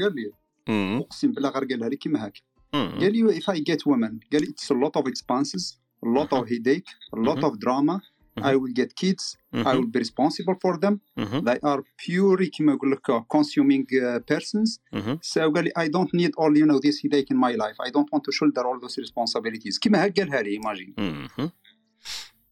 هذه بصح تف- تفسر يمكن أمور واحدة أخرى ماشي حكاية عزله تفسر إنه هو مش حاب يتخذ المسؤولية هذيك يشوف فيها باللي بزاف أعباء بزاف وهو إيه، مش محتوم طارق. عليها صح؟ لا لا حتى اللعب شايفه كي يحب يلعب ولا حاجة يدير swimming ولا يدير السولو آه، sports. ما يحبش يدير ال collective sports آه okay فهمتني وراه درك الله يبارك يدير ال swimming راه يطير راك فاهم بصح لو كان. دخلوا في ماتش تاع foot ولا basket يلعب شوية ومن بعد يجبد روحه يقول لك ما عياوني ما. هذا. ما شاء الله oui un bon exemple هذا تاع الأطفال صح؟ تلاحظها فيهم في سن مبكرة صح؟ كي يكونوا صغار تقدر تلاحظ الأمور هذه إذا كانوا صح؟ كيما نقولوا إحنا social donc اجتماعيين يخلطوا بزاف وكذا وأنا واحد من الابناء تاعي دخلته الكرة هذه كيما كتقول collective sports هذو دخلته كرة القدم من هذا الباب لأنه حسيت كون نخلي هكذاك ما ما عندوش علاقات بزاف مع دراري يهاب شوية ويحشم وكاع فعرفت باللي الرياضة يمكن تكون مدخل انه شوية ينفتح شوية على العالم الخارجي بالمخالطة في الرياضة هذيك اللي كنا خمس سنين ست سنين يقدر شوية يتأقلم في الرياضة ويخالط الناس. فقادرة تكون مدخل الناس اللي صح يحسوا رواحهم باللي قادرة تكون الأمور آه، كما نقولوا تنقلب آه، تولي مرضية ولا تولي انعزاليه بزاف ولا انطوائية بزاف. مليح إنه يلاحظها الواحد كما قلت لنا أنت على وليدك لاحظت فيه ال- ال- الحالة هذه. لكن مانيش عارف أنا نقدروا نقدروا نشوفوا الجانب الإيجابي فيها ونقدروا نشوفوا يمكن ثاني الجانب السلبي فيها هي مش مش شرط تكون كل شيء إيجابي ولا كل شيء سلبي كما عندها خالد فيها إيجابي. نسبيه وعندها الإيجابيات عندها السلبيات تاعها ما نكذبش عليك إيه، صح. ماهيش كاع السلبية كما يقول حتى لو كان تشوف وليدك جابد روحه ولا ما يحبش يخالط بزاف ما هذيك صح. طبيعته فاهم كيف ما هذه كاين بزاف ناس كيما. تلقى ناس ملاح وليد familia. كلش الدور بيه يدير معاك الواجب كلش. mais ما يحبش كيما يقول كثره القاشي بزاف بزاف صح. فاهم. عبالك حتى ثانية خلق درك فيها الطبيعة كي مسكن ما نسكنش في بلاصة فيها القاشي بزاف. كيما دوك راني ساكن في الخور راك فاهم. ما نحبش الدوحة ولا حاجة قاشي بزاف والله ما نحبها هكذا. نجي للظهر على بالك والله مز عليك أنا الكبير. يجوا البنات خواتاتي والله يبارك على بالك عندهم سيكسيون تاع دراري. والله غير. نحاوزهم ما نكذبش عليك تجوا بالوحده ولا عفوني والله العظيم بالك كل وحده جايبت لي يرحم والديك والله العظيم طزينه تاع بز وجاي يدير الدار تما هيا شوية. روحوا إن شاء الله ما يكونش يسمعوا فينا بهذا الصباح برك والله من عليك والله. من حفظ الله. وجاي من الخارج خلاص روحوا نقول لهم والله غنجيكم لدياركم ما إيه. تكسروا لي راسي بارك يرحم والديكم. إيه. راك فاهم؟ على بالك تدخل يجيك بلك ديك 20 بزيو ولا 30 بزيو. ويطلقوها لك في الدار. ايماجين طول الجو كيفاش يكون داير. المشكل تاعك بن حرز الله مش هو الذراري هذوك مش السميات تاعهم ماكش عارفهم ماكش شافي عليهم كاع والله كي تجي يعني تعيط له. تقول له دور عكوش دور درون تقدرش تعرفوا شكون هو والله قول له انت. انت هذاك بالحرز الله ايوا بصح أنا بالحرز الله أنا تبان لي حكاية تعود راه تلعب دور بزاف. كي تكون متعود في منطقة ما كاينش فيها الهرج بزاف ما كاينش كذا هذه أنا ثاني لاحظتها. كي تكون متعود كاين الهدوء كاين الأمور هذه يسمى أكيد هذيك الضوضاء والهرج وهذوك ما تكونش متولد بهم. لكن تبان لي ماهيش حكاية عزلة حكاية آه، كيما نقولوا تعود برك تبان لي. نرحبوا بخونا طلع معنا في هذا الصباح. آه، خونا حمزة. أهلا وسهلا بك في هذه الصباحية خويا حمزة. نحكيو إن شاء الله اليوم على محور العزلة. آه، خونا حمزة إلى عندك ما تقول في هذا ال- ال- المفهوم هذا اللي إحنا سميناه العزلة؟ ولا عندك تجربة خاصة تحب تقاسمها معنا؟ تفضل. أهلا وسهلا بك خويا حمزة. السلام عليكم صباح الخير وعليكم السلام. موضوع مهم جدا موضوع العزلة آه، أنا عجبتني التجربة نتاع شقيري يعني. آه، للعزلة اللي دار فيها كتاب آه، تكلم فيه من بعد عن. التغذية ولا العزلة واستفادات يعني فائدة فوائد تاعها بالنسبة. لي أنا أحيانا أحيانا أفضل العزلة. مفيدة أحيانا الإنتاجية ومفيدة. للصفاء الذهني. لكن نشوف فيها مضرة مضرة أحيانا للأطفال يعني الأطفال ماشي. متفق معكم يعني. من ناحية الأطفال ما هيش ما هيش آه، سيئة العزلة يعني. من الأحسن إنه ال- ال- الأطفال كي يكونوا صغار. ما نخليهمش ينعزلوا خليهم. يدخلوا في المجتمع يتكلموا خاطر راح يتكلموا راح يتعلموا طرق الكلام راح يتعلموا حوايج جيدة ياسر. كثير لكن آه، بعد إذا كبروا ولاو في سن خلاص يعني بالمان العقل نتاعهم وكلش نقدروا ن- نقدروا بالنسبة لنا نقدروا حتى نخليهم ي- ينعزلوا عادي. خاطر الانعزال هو فيه تعبد نقدر نع- ندير فيه تعبد ونقدروا آه، تقدر تخدم فيه الشخصية نتاعك مليح آه، بالنسبة لي يعني. شكرا. بارك الله فيك خويا حمزة يعطيك الصحة. انت تشوف باللي العزلة صح إيجابية وأنت كما قلت ثمنت على الكتاب تاع شقيري 40 يوم في العزلة هذاك. لكن تشوفها باللي في ذراري صغار قادرة تكون مضرة لأنه كما حكينا في البداية مش عارف أنت كنت معنا يمكن منذ البداية. إحنا قلنا ال- الإنسان اجتماعي بطبعه. فالإنسان لما يكون صغير هذيك الفرصة أنه يتخالط مع الناس ويعرف إيجابيات أنه ال- المخالطة مع الناس فيها أمور إيجابية وسن هذيك الطفولة اللي حكيت عليها أنت صح مهم إنه يعرف إنه لازم يكون عنده أصحاب لازم يعرف كيف هي يعبر على على الاستياء تاعو من الألعاب تاعو لما تؤخذ منه لازم يعرف كيف هي يقاسم ال- الأطفال هذوك ال- الأمور تاعو لما يكون صغير يعرف كيف هي الأكل تاعو ثاني يشاطره ولا يقاسمه مع الناس. فيها أمور إيجابية كثير لما يكون الإنسان من- مندمج ولا منخلط مع مع مجموعة من الأطفال هذيك أكيد فيها إيجابيات. لكن كما قلت كاين الأطفال اللي تلاحظ فيها في هذاك السن المبكر تلاحظ في هذيك العزلة هذيك ولا الانطوائية؟ هي أكيد فيها أمور صحية وفيها أمور كما قلت تبان باللي عادية ولازم لازم واحد ما ياخذش ما يحملهاش أكثر ما ما هي عليه. وكاين أمور نفسية ولازم المعالجة تاعها والاتجاه إلى التخصص ولا ناس متخصصين ولا أطباء باش يشوفوا إذا كانت حالة مرضية ولا حالة عادية. الإنسان برك ما يحبش الهرج بزاف ولا ما يحبش يخالط الناس بزاف. دونك بارك الله فيك خويا حمزة. رحبوا بخوتنا اللي راهم معنا في هذه الصباحية. خوتنا خونا إبراهيم. خونا صديق ولا صدراتي خونا كمال حريزي خونا إلهام خوتنا إلهام. آه، معنا خوتنا نوال خوتنا باية خديجة أحمد أهلا وسهلا بكم. خونا سفيان خونا خوتنا أمال. آه، الأستاذ محمد هو معنا في هذا الصباح. آه، إن شاء الله يطلع معنا بعد في الكبسولة الفكرية وال- والعلمية تاعنا في هذا الصباح إذا استسن له ذلك. خوتنا سارة معنا خوتنا أمال. صلاح التحق بنا. صلاح حكينا عليه قبيل وأنت غائب. آه، ذكرنا المقال المقوله اللي حكيتها لنا. خوتنا ريم أهلا وسهلا بك. معنا اخونا عقبة ياسمين جميلة سعيدة. كل هؤلاء آه، إن شاء الله يستمتعوا ويكون عندهم استفادة من المحور تاع الدندنة تاعنا نحكيو على العزلة. التحقت بنا اختنا أمينة نرحبوا بها. أختي أمينة سبيسياليست ماشي أنا. نعم. اختنا أمينة صح مختصة في هذا المجال ويمكن آه، تنورنا ولا تدلي بدلوها في هذا المجال حكاية العزلة. ما هي تعريفاتها صح؟ هل هي تجور انغلاق وامور انطوائية وأمور سلبية ولا فيها مثلا الخلوة والتهجد والاعتكاف والأمور الإيجابية؟ ومتى تكون آه، صح عندها سلبيات وإيجابيات و- والأمور هذه؟ تحكي لنا فيها يمكن اختنا أمينة. تفضلي أختي أمينة صباح الخير. صباح الخير. يومكم مبارك. آه، موضوع العزلة راح نبدأ يعني بما هو عادي. ومن بعد نروح إلى ما هو مرضي آه، ما هو عادي؟ نبدأ بمقولة ابن عطاء آه، السكندري. لما يقول ما ما ليس هناك ما ينفع القلب أحسن من عزلة يدخل بها ميدان فكرة. يعني الإنسان لما ينعزل من أجل إيجاد أفكار معينة أو التأمل في أفكار والتدبر فيها فهذا يعني سوف ينفع قلبه. والأمر الثاني اللي كذلك يعني موجود في عالم العزلة مثلا بخصوص الرجال مثلا يقول لك طبيعة غالب غالبية الرجال آه، يميلون إلى تلك العزلة. يقول لك الرجل لديه كهف يعني يدخله من يعني مرة على مرة. ويقول أنه النساء هذه لازم يعني يتفهموا هذيك هذاك الدخول الكهف هذاك يقول لك دائما يوصوا المرأة يقولها انتبهي عند دخول يعني شريك حياتك مثلا أو الأخ أو الأب أو إلى إلى كهفه. يعني لازم يكون تتفهم هذاك الأمر. وهنا الدخول هذا الكهف هذا ما- ماهوش هو فقط رمزيا. يعني يقدر يكون ساعة يقدر يوم يقدر donc الرجل معروف بهذه يعني غالبية الرجال. donc الحاجة العادية في العزلة لما تكون عزلة إرادية والإنسان يكون في هذيك العزلة مهتم بذاته يعني راهو عنده اهتمام بالذات تاعو عنده اهتمام بمشاعره حا- حاب يتعرف على مشاعره أكثر حاب يتعرف على أفكاره. لما يكون هذا الجانب الواعي وال- والإرادي فهي عزلة محمودة. آه، العزلة يعني اللي تأخذنا إلى ما هو مرضي هي ال- العزلة اللي تأتي بعد اضطراب معين. مثلا لما يكون هناك صدمات معينة يكون اضطرابات القلق. هذيك اضطرابات ما بعد الشدة هذه دائما في ال- في الفترة الأولى تؤدي إلى عزلة وهذيك العزلة ماهيش محمودة. بالعكس عزلة مرضية. آه، عزلة فيها إهمال للذات. هذاك الإنسان غير باش نتأكد أمينة نبروفيتي.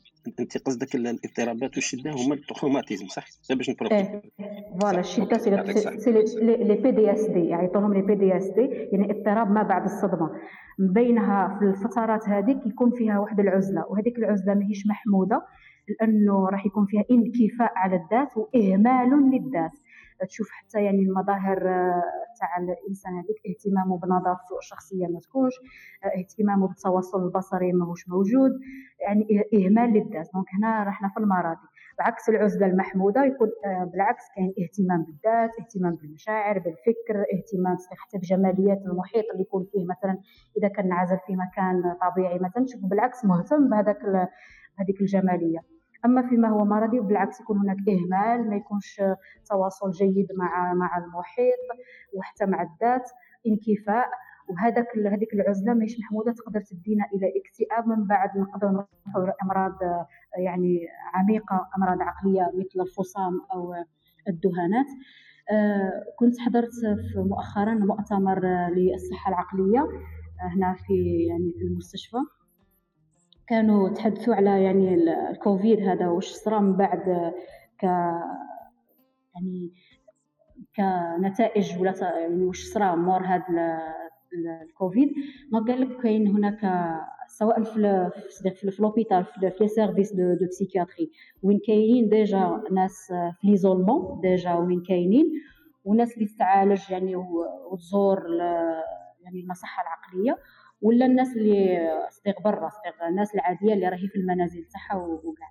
دونك كانوا عطاونا بعض ال- المؤشرات أنه ال- الناس اللي كانت تتعالج داخليا في لي- في ليزولمون وكان هناك يعني تواصل آه، مع يعني مع الفريق الطبي والفريق الفريق النفسي آه، لاحظوا هناك استقرار. لاحظوا إنه استقرار يعني هذيك العزلة ولا هذاك الكوفيد ما, أثرش على على الصيرورة تاع تاع العلاج ولا الصيرورة تاع تاع التواجد تاعهم في المصحة العقلية. وكاين بعض يعني اللي كانوا يزوروا أو المعايدين الناس اللي تجي للع- للعيادات وكاع اللي عندهم سمات شخصية ولا عندهم اضطرابات آه، نفسية عقلية اللي المظهر الأساسي تاعها ولا العارض الأساسي تاعها هو نستغل الانغلاق هذاك كما ال- ال- السكيزوفرين ولا اللي عندهم آه، اضطرابات عقلية معينة. يكشفوا باللي ما تأثروش بزاف ما تأثروش بزاف بالكوفيد صدق كان هناك استقرار عادي أو في نفس ما كانش كاين حاجة جديدة ولا حاجة مغايرة على على قبل الكوفيد. أما الناس الانبساطية يعني الناس اللي اجتماعية كثير اللي آه، ناس آه، تحب الحياة بطريقة معينة ولا تمارس الحياة بطريقة معينة وعندهم تواصل كبير آه، كان هناك تأثير ونضروا وكان كاين مظاهر معينة وأعراض معينة ما كانش فيها استقرار. هذا اللي قالوه لنا في هذاك المؤتمر. آه، بالنسبة للأسر ولا العائلات يعني الزوجين اللي يكونوا كانوا مع بعض آه، يعني يوميا وهناك بعض الصراعات الصغيرة اللي كانت بيناتهم أحيانا زادت في فترة الكوفيد هذه زادت ازمت صديقه هذاك التواصل مع بعض والتواجد اللي طول النهار يعني وجه في وجهها واصلا ما هوش متفاهمين بزاف هذاك الشيء ادى حتى توصل أحيانا إلى كانوا داروا بعض الإحصائيات حتى إلى العنف يعني كان كان هناك عنف زواجي سواء من المرأة أو من الرجل يعني كلا كلا الجنسين كانوا مشتركين في احصائيا في هذا في هذا العنف. وكذلك اللي عندهم les phobies donc اللي عندهم les phobies بزاف ما استغل الغلقة هذيك وكاع. donc كانوا لاحظوا اضطرابات ولاحظوا استغل طلب المساعدة تاعهم من من الاخصائيين في الصحة النفسية اللي عندهم les phobies آه، كان كاين آه، يعني تأثير تاع الكوفيد على على على الصحة النفسية تاعهم وعلى حالتهم واستقرارهم للوضعيه كيفاش كيفاش كانوا. دونك هذه هذا هو الجانب المرضي آه، العزلة ولا الانغلاق. كما نقولوا العزلة الغير آه، الغير إرادية يعني الإنسان اللي يجبر يعني يعزل آه، كما السجن ولا يعزل صديق جبرا يكون فيها يكون فيها بعض بعض التعقيدات يعني يحدث تعقيدات سواء على الجانب النفسي أو الجانب العقلي. هذا واش نقدر نقول؟ ممكن نواصل معكم من بعد. ونزيد نحكي أكثر على الانغلاق ال- الانغلاق النفسي. راح ممكن راح نزيد الاضافات ولكن غير تسمحوا لي فقط آه، ببعض الدقائق.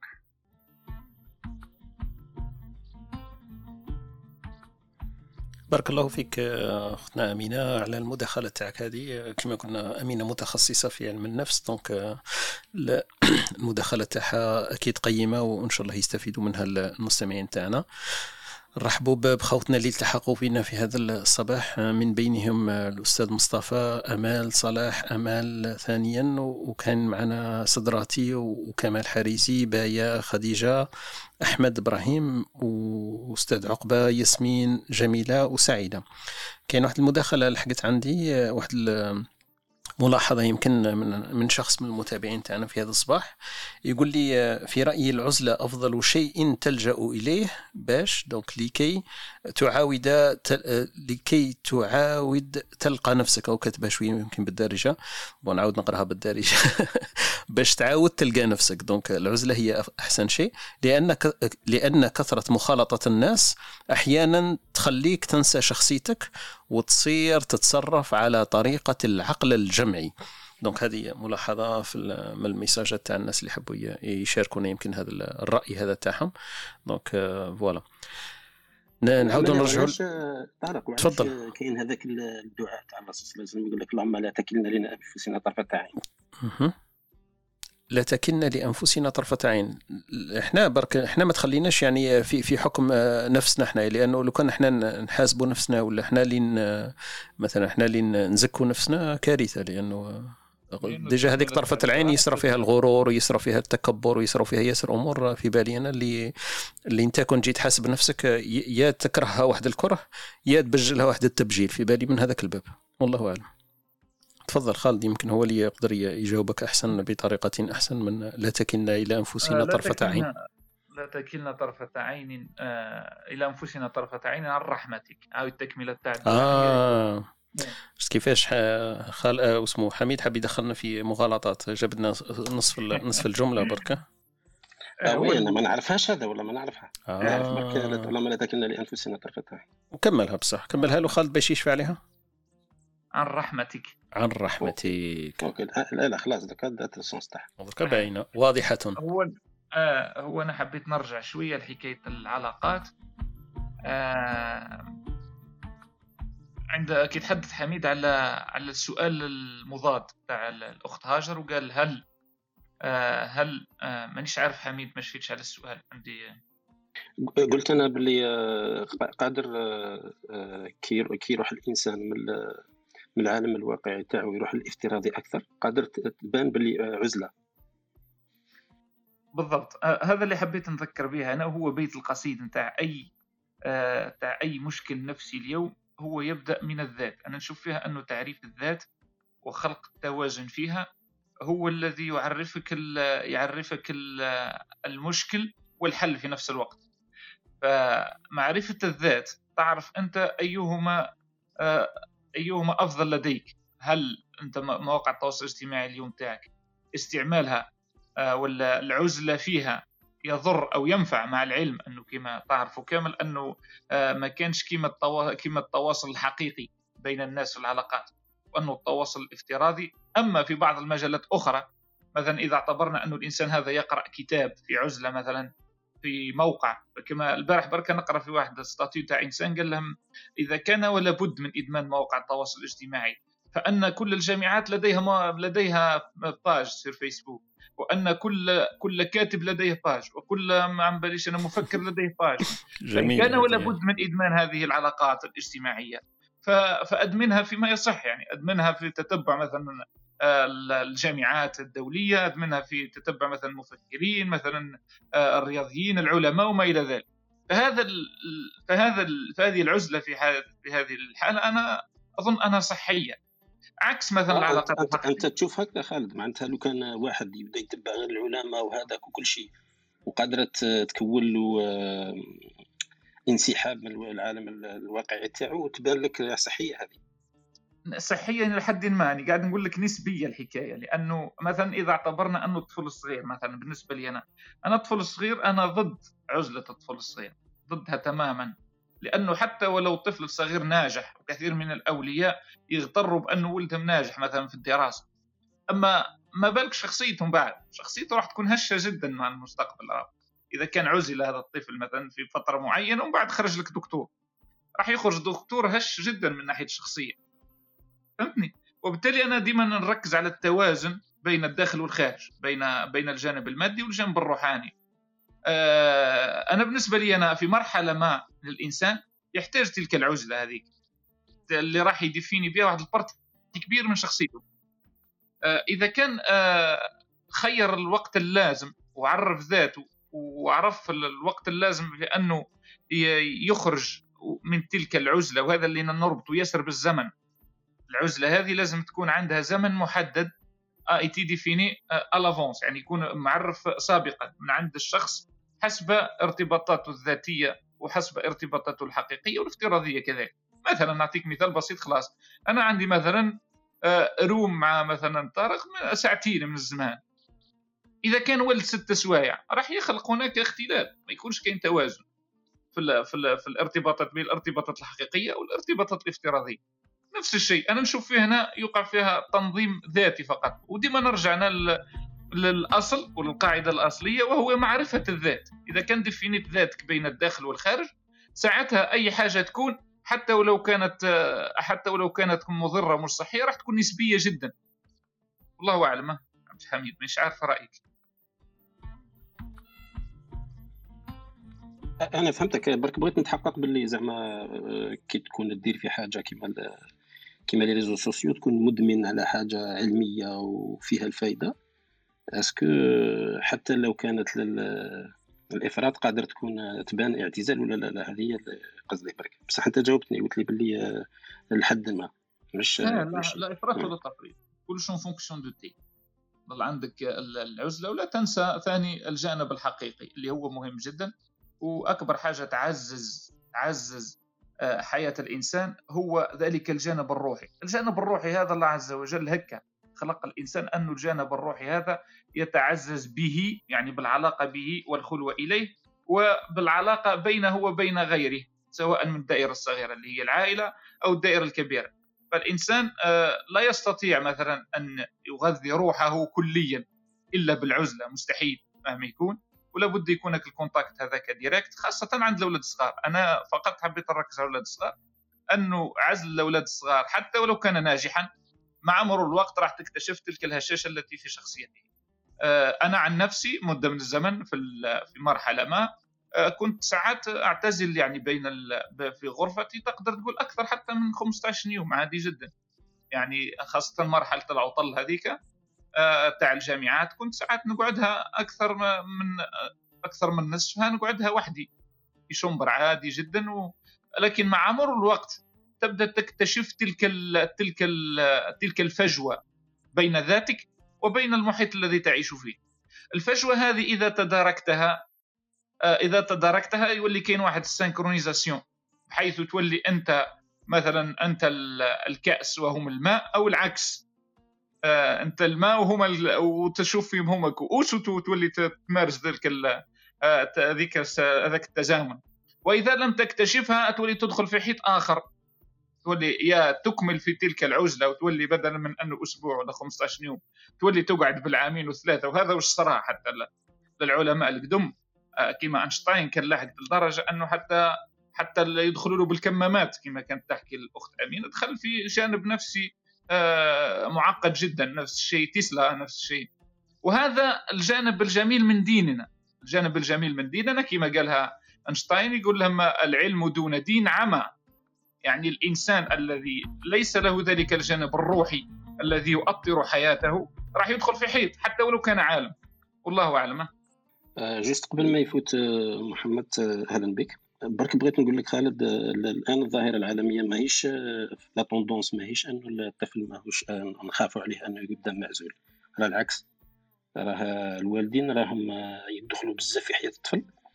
و justement la tendance أنه العلاج لهذا هو لازم نخلوهم شي tranquilles parce que لو كان تشوف بكري كانوا يخلوا كانوا يجيبوا دراري بزاف 8 10 6 وكاع. من بعد هذوك كانوا يجيبوا غير زوج وكاع باش يتلهاو بهم غير هم ومن بعد ولاو يعمروا لهم les emplois du temps تاعهم ولاو يتلهاو بهم بزاف وما ولاوش يخلوهم يطيحوا في في l'ennui هذاك ما بداوش يطيحوا في الملل. والملل مهم بزاف عند الطفل خاطر هذاك هو اللي ينمي l'imagination تاعو. فصحيا أنه الآن راه العكس la tendance هذيك حالات خاصة اللي يبغوا يقعدوا وحدهم وكل شيء بارك الله فيك حميد وبارك الله فيك خويا خالد المداخلات تاعكم. نرحبوا بالأستاذ محمد أهلا وسهلا به. آه، ننتقل يمكن برك إلى فاصل. نديروه آه، باش نذكروا برك خوتنا بال- بالبرنامج تاعنا باللي مسجل ويعاد البث تاعو. ومن بعد نفوتوا يمكن ال- الكبسولة الثقافية مع أختنا وهبه وبعد ذلك ال- الكبسولة الفكرية والأدبية مع الأستاذ محمد باش ما يفوتناش الوقت هكذا برك. نسيو كيفاش نقسمه وأكيد نستقبلوا المداخلات تاعكم آه، كما نقولوا أي واحد يحب يشاطر آه، ينقسم ولا يشاطرنا التجربة تاعو donc آه، أهلا وسهلا بكم. نديروا برك هذا الفاصل ونواصل إن شاء الله. الدندنة تاعنا حول محور العزلة إن شاء الله.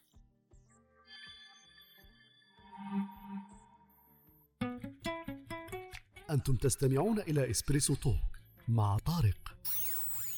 يأتيكم يوميا ما عدا السبت والأحد من التاسعة إلى الحادية عشر بتوقيت أوروبا الوسطى وبيرن. تجدون فيها موسيقى، حوارات، أقوال، عبر وعبارات. استمتاع واستفادة يوميا. استماع واستفادة يوميا. هذا الهدف تاعنا والمبتغى تاعنا. آه، أختي وهبه نشوفها باللي طلعت يمكن حكاية شبكة ولا كونيكسيون نفوتوا الاستاذ محمد مباشرة نرحبوا به. وقدام لنا ننطلقوا مع الأستاذ محمد وأكيد عنده مداخلة فيما يقول في باب العزلة. لكن أكيد ثاني يسعدنا ويشرفنا يجيب لنا ثاني شخصية ولا مفكر ولا أديب ولا كاتب جزائري. آه، نثري به اللقاء تاعنا ونمتع به أسماعنا في هذا الصباح. كما كان عندنا الحظ والشرف أنه عرفنا على شخصيات وأسماء كبيرة كأبو القاسم سعد الله وعبد الحميد بن باديس وبن عيسى بن عبد النبي ومحمد بن أبي شنب. فاليوم أكيد راح يتحفنا ثاني بمفكر أو أديب أو عالم جزائري. نديروا برك هذا الفاصل ونخلوا الأستاذ محمد يدير المداخلة تاعو.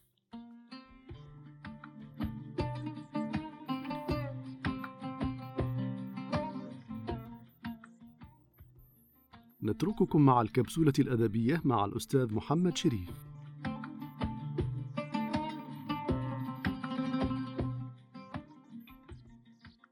السلام عليكم صباح الخير. وعليكم أولا السلام. أول أريد أن أعتذر من الجميع لأني لم أحضر. آه، بحكم أني كنت مناوب وين خرجت من المستشفى. الله يعينك. فأعذروني أعذروني شديد العذر. فهناك شخصية في راسي آه، نعرف عليها بعض المعلومات ولكن تحتاج تحضير باش ما نبخسوهاش حقها. فأعتقد أنه آه، نرجعوا المرة المرة القادمة لو ما كاينش طبعا. مشكل لا ما كاينش مشكل بحكم أنه بدنا مع العمليات مع هذا لا لا الله يعينك. إحنا سامحنا أنت. يا أه، حبيت بركة ندير مداخلة في قضية العزلة فقط. ممكن كي سمعت خويا خالد يتكلم على العزلة بالنسبة للأطفال. أه، هو العزلة اليوم لل- للطفل أصبحت مركبة أو معق... ما نقولش مركبة كاموفلي مغطية. تلقى مثلا أب عنده طفل أو اثنين أو ثلاثة لكن نهار كامل الطفل هذاك قاعد قدام التلفزيون في سن في سنه سنة في العامه الأول أو الثاني أو الثالث. لما تروح تحاول تقرأ أنت في هذا المجال تلقى أنه ال autisme أو التوحد يزيد عند هؤلاء الأطفال وعلاش؟ لأنه ال explication اللي يمدوها les pédopsychiatres أو les les pédopsychiatres في هذا يقول لك أنه الطفل في عملية في ال développement psychomoteur تاعو يحتاج يحتاج تفاعل تفاعل الوجه هذاك اللي يشوف والديه كي يضحكوا معاه يشوف والديه كي, يزقيوا عليه ولا هاك التفاعل هذاك ينمي ذكاءه العاطفي وينمي قدرته على التواصل أيضا. الإشكالية الآن أنه آه، les signes هذوكم اللي يجيو من عند التلفاز يعتقد الطفل في بداية حياته أنه وكأنه يتعامل مع شخص حقيقي. لكن هذاك لسيني آه، آه، عددها كبير ومكثفة على عقله لكنها في الحقيقة لا يوجد تجاوب حقيقي بينها وبينه وهذا اللي يخلق من بعد التوحد.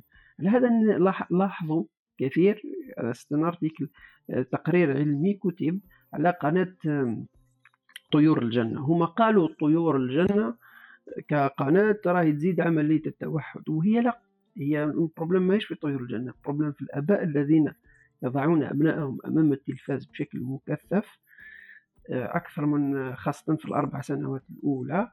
وهي عزلة حقيقة. وين الأب أو الأم تخلي ولدها أو تخلي ولده ويروح يدير شغالاته والطفل عايش في عزلة معينة يتعرض لكثير من آه، الإشارات سواء بالألوان هذيك تاع الغير متناسقة بالنسبة للطفل أو بالحركة تاع الرسوم المتحركة هذيك les comiques آه، parce que les comiques اللي رانا نشوفوا فيهم آه، يبومبارديوا الدماغ. بالادرينالين هذيك العاليه على آه، في في دماغه. علاش؟ parce que الطفل يحتاج صور معينة بطيئة بينما نشوفوا نحنا les comiques سرعتهم كبيرة. كما موالفين حنا نتفرجوا les films.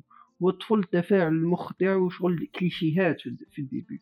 فأعتقد أنه موضوع العزلة بالنسبة للأطفال اليوم أصبح مركب الأ- الأم والابن أو أو الأب الأب وهو قاعد في عنده شغالات والأم هاي قاعدة تطيب ولا تصيق ولا هذاك ومخليه الطفل يتفرج في التلفاز والطفل راهو يتعرض لسيني بزاف ومن بعد في الليل ما يرقد لهمش فمن بعد يقول لك الطفل وش بيه؟ يلي أجيتي.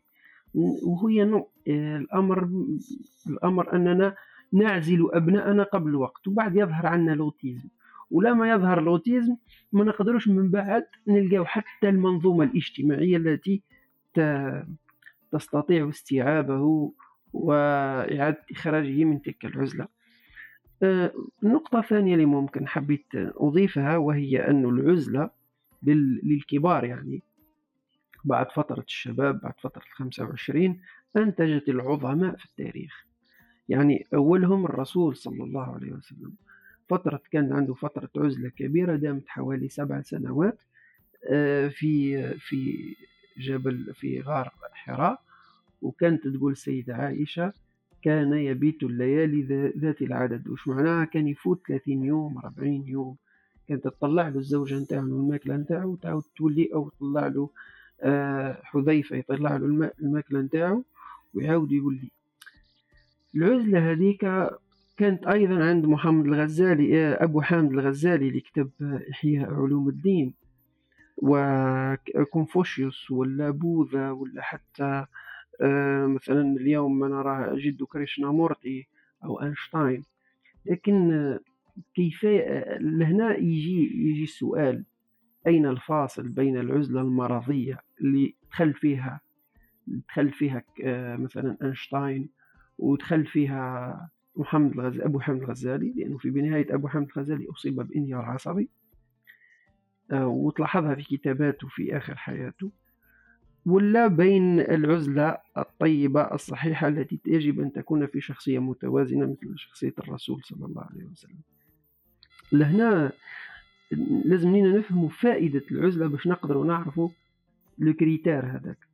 ولن العزلة الحاجة المفيدة فيها أنك أنها تهبط من التوابل التي يضيفها المجتمع والعائلة على التعريفات وعلى المفاهيم وعلى النظم في عقولنا. يعني تخيل أنت تولد تخيلوا معايا أنت تولد في مجتمع يقول لك مثلا وين يشوفوا في الحاكم هو إله ويشوفوا مثلا في الإله هو حجرة. وتمشي هذه ال- هذه وكأنه آباؤنا من يكونوا كاينين من يكونوا صغار يحطونا واحد مجموعة من الأصنام أو مجموعة من الأشياء لا يجب الاقتراب إليها. بل يضعون لنا أبطالا. يصورون فلان وفلان وفلان بطل وفلان وفلان وفلان وفلان شرير. ونحن ما نراجعوش هذه الأشياء. حين ندخل مرحلة العزلة التوابل هذه التي يضيفها المجتمع تسقط. والعقل الجمعي يسقط شيئا فشيئا يضعف شيئا فشيئا. وهنا تبدأ تطلع زوج حوايج. أول شيء تبدأ تطلع الفطرة. الفطرة البشرية تبدأ تتكلم وحدها. هذه مهمة بزاف لأنه من العزلة نلاحظ الناس كثير من الناس اللي يدخلوا للسجن يرجعوا يتوبوا. شوفوها في شخصية بن بلة ما نروحوش بعيد يعني. شخصية بن بلة كان شيوعي راديكالي في بداية حياته لما دخل السجن فترة 13 سنة خرج إنسان متدين خلاص. فترة العزلة آه، مهمة جدا في تدين الإنسان لأنها تضيف عليه فطرة وأنا تكلمت أنا عندي صديقي ضابط في في السجن حكي لي حكى لي حكى لي يسماها هو مدرسة يوسف. كي تشوف تأثير السجن فعلا على كثير من السجناء كيفاش يتحولوا. هذه النقطة الأولى. النقطة الثانية وهي إدراك الذات. وهذه هي أصعب شيء. إدراك الذات إدراك حجم عقولنا إدراك حجم نفوسنا إدراك حقيقتنا في الوجود إدراك رسالتنا المنوطة بنا. وهذا اللي يفسر عليه واحد زي كونفوشيوس يدخل في عزلة ثم يخرج بنمط جديد في التغيير. الرسول صلى الله عليه وسلم يدخل في عزلة ثم يخرج بنمط جديد في التغيير حتى وإن كان بالوحي لأن الوحي بالعزلة هذيك وصل إلى درجة معينة أهلته للوحي. باش تكون واضحة الصورة أهلته للوحي. آه، فأعتقد أن العزلة ضرورية لكن في إطار منظومة فكرية متوازنة لأنه إنسان كيكون اسمحوا لي أعطيكم مثال فقط برك وأنا عن بالي طولت. آه، كاينة مثلا تلقى واحد يقعد وحده في الدار خاصة النساء يعني. تقعد وحدها في الدار تبدأ تتوسوس. آه، وتسمع في أصوات وهي غير موجودة تلك الأصوات. وهذه عند الانسان كل يعني ما تسمع ما باليش هذيك طاح هو ما باليش هذه الخوف الارتيابي هذا آه، يد- يدل على انه النفسية تاع الإنسان ضعيفة. فانك تروح تقعد في عزلة وأنت عندك هذا الخوف الارتيابي أو ما عندكش الميكانيزمات الأساسية من التفكير والنقد والتحليل التفكير والنقد والتحليل اللي تسمح لك تخوض عملية إدراك الذات وإدراك الرسالة في إطار عزلة راح تولي فوضى وقادر تخرج باضطراب عصبي واضطراب نفسي كبير. وشكرا.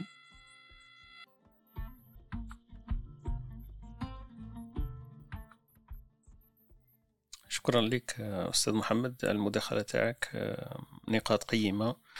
وكما نقولوا نستفادوا منها أكيد والمستمعين تاعنا الثاني إن شاء الله يخرجوا بإفادة. عجبتني مدرسة يوسف. يمكن نسرقوا لك هذا المصطلح من من صديقك وعن عن الأستاذ محمد.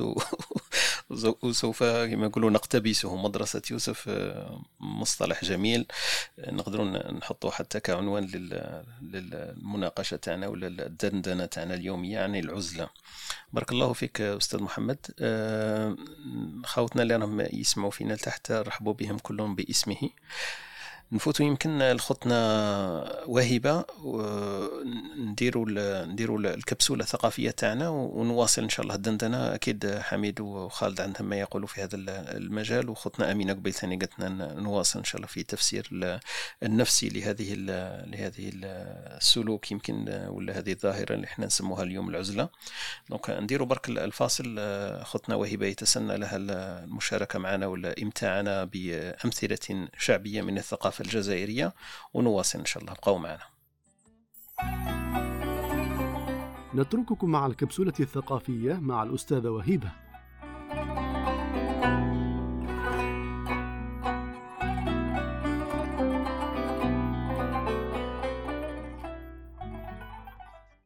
صباح الخير عليكم مرة أخرى.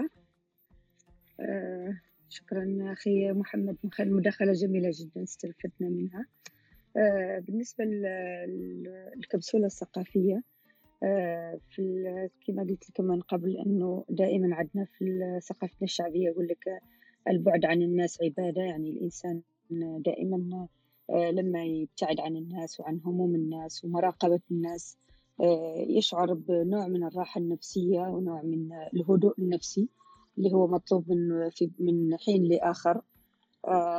إذا كما هو معروف عندنا يعني حتى أنه من تراثنا الإسلامي يقول لك البعد عن الناس عبادة. حتى الإنسان يهتم بشؤونه وب- بنفسه يحاول يهتم بأموره. وكذلك في نفس السياق عندنا مثل يقول من راقب الناس مات هما يعني الإنسان لما ينشغل آه، أكثر من اللازم بمراقبة الناس وهمومهم ومشاكلهم كأنه يعني يدخل تلك الهموم إلى إلى حياته. آه، الم- المثل الثاني اللي وجدته كذلك هو يقول لك فوت على الواد الهايج وما تفوتش على الواد الساكت معناها الإنسان آه، عندما يصمت آه، عندما ينعزل إحنا نتكلم على ال- العزلة المرضية عندما يكتفي من كل ما حوله يختار أنه يصمت. وهذاك الصمت هو نوع من الإنعزال والابتعاد عن الناس. لذلك يقول لك هذاك الإنسان هو يشبه القنبلة الموقوتة. يقول لك فوت على الواد الهايج وما تفوتش على الواد الساكت. آه، لأنه الواد الساكت آه، ما تعرفش واش راه مخبي واش كاين ولا في أي في أي لحظة ممكن آه، ينفجر ولا ممكن يهيج آه، في نفس آه، السياق حبيت نقرأ عليكم كذلك آه، آه، خاطرة بسيطة أنا كتبتها عن يعني مش ما راحش نقول عن موضوع الانعزال ولكن هي دائما أنا الانعزال نعتبره نوع من الصمت الصمت النفسي. معناها الإنسان لما ينعزل عن الحياة يصمت ويكتفي ولا يتدخل يعني في أي شيء حوله لأنه كل ما يحدث حوله يتخطاه يعني يتخطى يعني تقريبا قدراته للاستيعاب للأمور والأوضاع آه لذلك آخر ما راح نقرأه هو يقول لك آه الصامتون هم أولئك الذين يتحدثون في داخلهم. صوت صمتهم يغنيهم عن مح- محادثة الآخرين لكنه لا يسكتهم. هم في الحقيقة لا يتوقفون عن الكلام مع أنفسهم. صمتهم نابع من قهرهم. هل صوتي مسموع؟ مسموع مسموع تفضلي. آه مسموع. أوكي. حاضر. إذا أكمل. صمتهم نابع من قهرهم من تراكم خيبات الأمل في عالمهم. لذا ينقطعون عن التواصل مع الآخرين لكنهم يتواصلون دائما مع أنفسهم. حواراتهم عميقة وأحاديثهم ممتعة لكنها من دون صوت. لو سمعت كلامهم ظننت أنهم فلاسفة مخضرمون. يحاولون إيجاد حلول لمشاكلهم يحللون المواقف ويضعون النظريات. قد ينجحون في إيجاد مخرج وقد يفشلون. يعيشون في داخلهم في عالم لم يجدوه في الحقيقة. يتخيلون عالما افتراضي يتماشى مع تطلعاتهم. يسايرون الحياة التي لم تسايرهم. لأن عالم الحقيقة تخطى قدرة استيعابهم فقرروا الانسحاب. لأنهم إن لم ينسحبوا يخرجون عن صمتهم وإن تكلموا يخسرون معركتهم ضد أنفسهم لأن كلامهم ليس موجها موجها ليسعى في عالمنا الواقعي لأن كلامهم ليس موجها لنا بل لأنفسهم لأنهم استغنوا عنا وعن محادثاتنا الفارغة فصمتهم لنا وكلامهم لأنفسهم. وشكرا. ما شاء الله بارك الله فيك يا أختي وهيبة. صمتهم لهم نو صمتهم لنا وكلامهم لأنفسهم. ما شاء الله. تعبير مجازي عميق وسميك يعني كما يقول خونا حميد. تقريبا العزلة المرضية. يعني صح. آخر أو ما قبل المرضية لما الإنسان يدخل في انعزال تام عن الناس ويصمت نشوفوا بعض الناس تكون يعني مريحة وفجأة تتبدل شخصيتها. وينعزلوا ويبتعدوا عن الناس يعني هو نوع من الملاحظة يعني حبيت نتقاسمه معكم شكرا. بارك الله فيك امتعتينا وكما نقولوا استفدنا بزاف من هذه الكلمات الراقية والجميلة التي تعبر كما قلتي على جانب من من جوانب العزلة. وإحنا كما حكينا قبيل فيها جوانب عديدة ومتعددة منها الإيجابي والسلبي. وكل شيء كما يحب أن يقول أخي خالد كل شيء في هذا هو نسبي.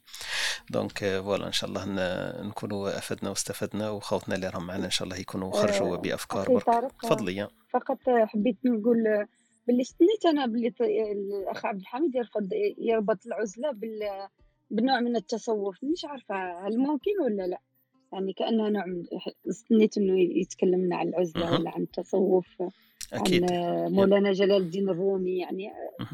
مهم. كأنه كأنه يعني فيها جانب من التصوف يعني طبعا الإيجابية تحدث عن مهم. العزلة مهم. الإيجابية أكيد إحنا مازلنا تقريبا واحد 10 دقائق ربع ساعة في ال- في الدندنة تاعنا الصباحية هذه أكيد يكون عندنا المجال إنه حميد ولا خالد يحكي لنا على جانب ال- العزلة في عند المتصوفين ولا عند كما قلتي عند هذول المفكرين الكبار donc كما حبيتوا أنتم خالد ولا حميد شكون اللي حبي ي- يواصل الدردشة تاعنا في هذا المجال؟ اللي حبيتوا بداو من الجواب على خوتنا وهيبة.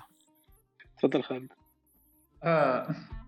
آه بارك الله فيك. نكتة فقط حبيت نقولها لأختي وهبة كي كانت تهضر على ذاك ال rapport تو كنت مركز ومن بعد قلت هل صوتي مسموع؟ نحسبها تابعة ل- للكلام اللي كانت تقول فيه. وكأنها صح. كانت تحكي على الصمت ومن بعد قلت هل صوتي مسموع؟ نحسبها تابعة ل- صح أنا ثاني ما حبيش نقاطعها لكن رأيت نفسي مجبورا على أن أتدخل. إيه. بارك الله فيك صح؟ شكرا بارك الله فيكم شكرا أختي وهبه على الكلمات. آه، حبيت نقول آه، التصوف آه، طبعا أنا نتذكر مرة نتفك نتفرج في شريط على على صدام حسين الله يرحمه آه، عندما وصفه الحارس بأنه كان يوجد في سجنه وكأنه في قصره.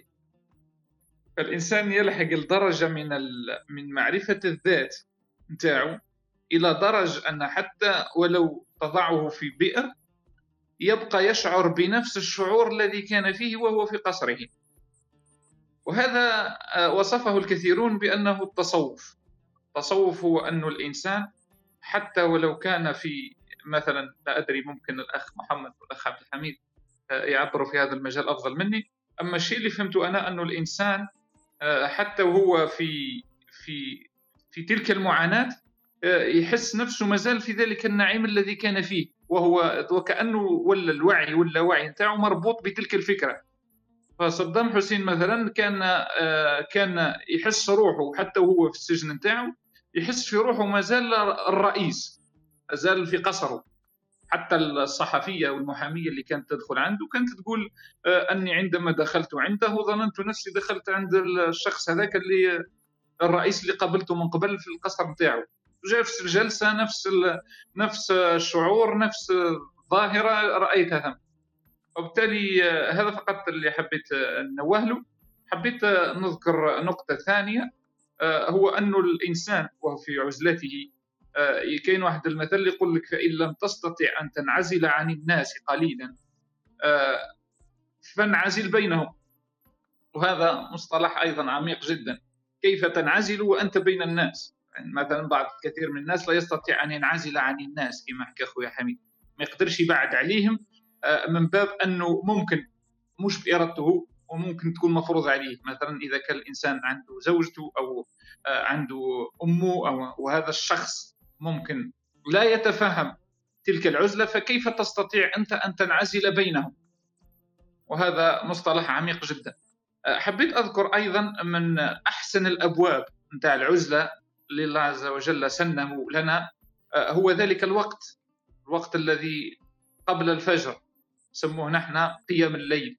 قيام الليل ذلك الوقت المبارك آه، الذي ينزل فيه الله عز وجل إلى السماء الدنيا. ذلك الوقت وكأنه حث على معرفة الذات والعزلة والبقاء مع النفس. كي تكلم نفسك كي تعرف نفسك وكي تخاطب المطلق. مش المطلق بمعنى أنه اسمه أو صفته وإنما الله عز وجل. هذا برك اللي حبيت ننوه له في إضافتي وشكرا في طالق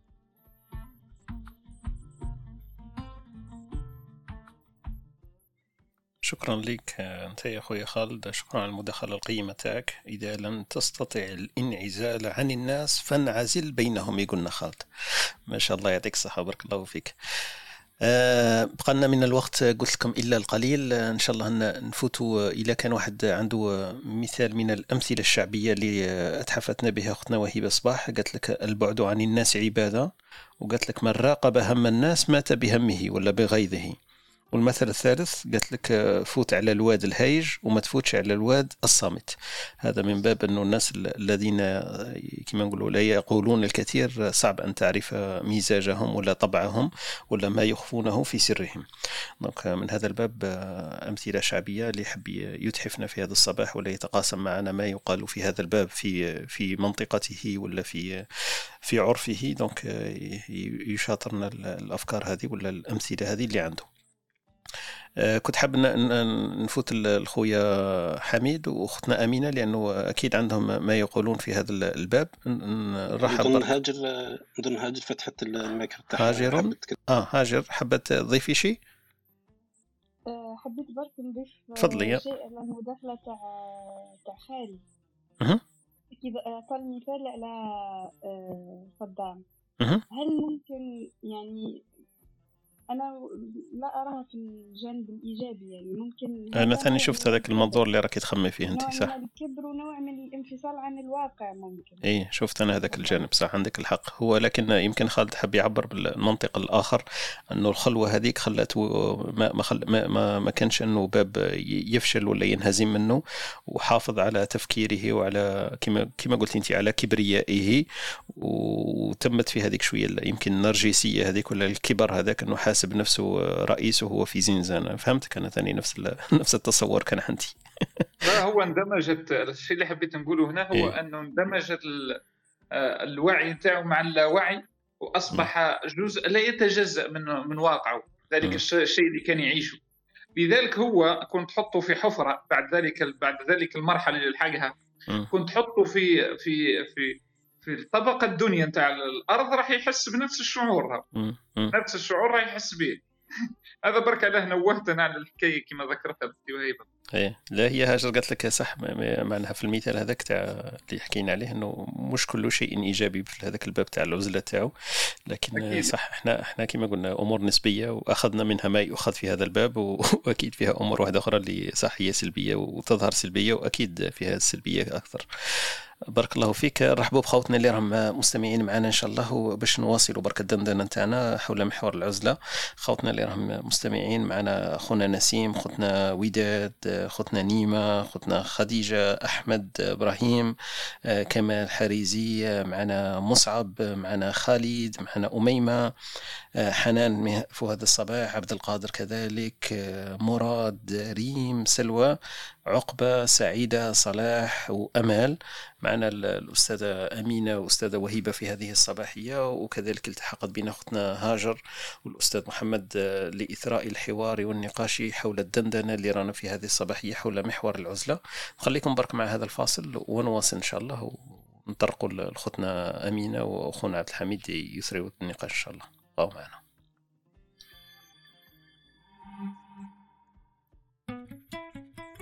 أنتم تستمعون إلى إسبريسو توك مع طارق. يأتيكم يوميا ما عدا السبت والأحد من التاسعة إلى الحادية عشر بتوقيت أوروبا الوسطى وبيرن. تجدون فيها موسيقى، حوارات، أقوال، عبر وعبارات. استمتاع واستفادة يوميا. استماع واستفادة يوميا هذا هدفنا ومبتغانا. أختي أمينة حبيتي تضيفي شيء قبل ما نفوتوا الحميد إن شاء الله؟ وما بقناش بزاف الوقت نديروا إن شاء الله الجولة الختامية تاعنا. تفضلي أختي أمينة. آه، يعطيكم الصحة. آه، فقط حبيت نحكي على العزلة تاع السجين. آه، هي الحياة النفسية ل- للسجين ليست بالسهلة يعني وفيها يعني اضطرابات نفسية عميقة. وحتى بعض الع- العظماء يعني وما يكتب أو يكتبه بعض العظماء هو يعني لي- ليس كذبا ولكنه ليس الحقيقة الكاملة. لأنه نلاحظوا أنه كاين بعض السياسيين اللي يدخلوا للسجون أو ناس اللي هي رموز معينة في في المجتمعات آه، لما تخرج من السجن ولا هناك حماية أخرى خارجية تحمي تحمي صورة ذلك السجين ولذلك يكون كاين بعض الكتابات اللي ما هيش ما هيش تحكي الحقيقة الكاملة. إذا العز- العزلة اللي في السجن ليست مثل العزلة اللي يروح لها الشخص ولا الخلوة هذيك اللي اللي يأخذها الإنسان بالعكس السجن يعني فيه اختراق للذات وفيه يعني تحقير للذات وكاين مشاكل نفسية عميقة و- والناس اللي يعني اللي تعرف كواليس السجناء واللي تعاملت معاهم خصوصا الاخصائيين النفسانيين ولا المقربين يعني من من السجناء يحكوا تجارب أخرى يعني حياة نفسية أخرى ليست وحتى عند العظماء أركز حتى عند العظماء وحتى عند عند الرموز.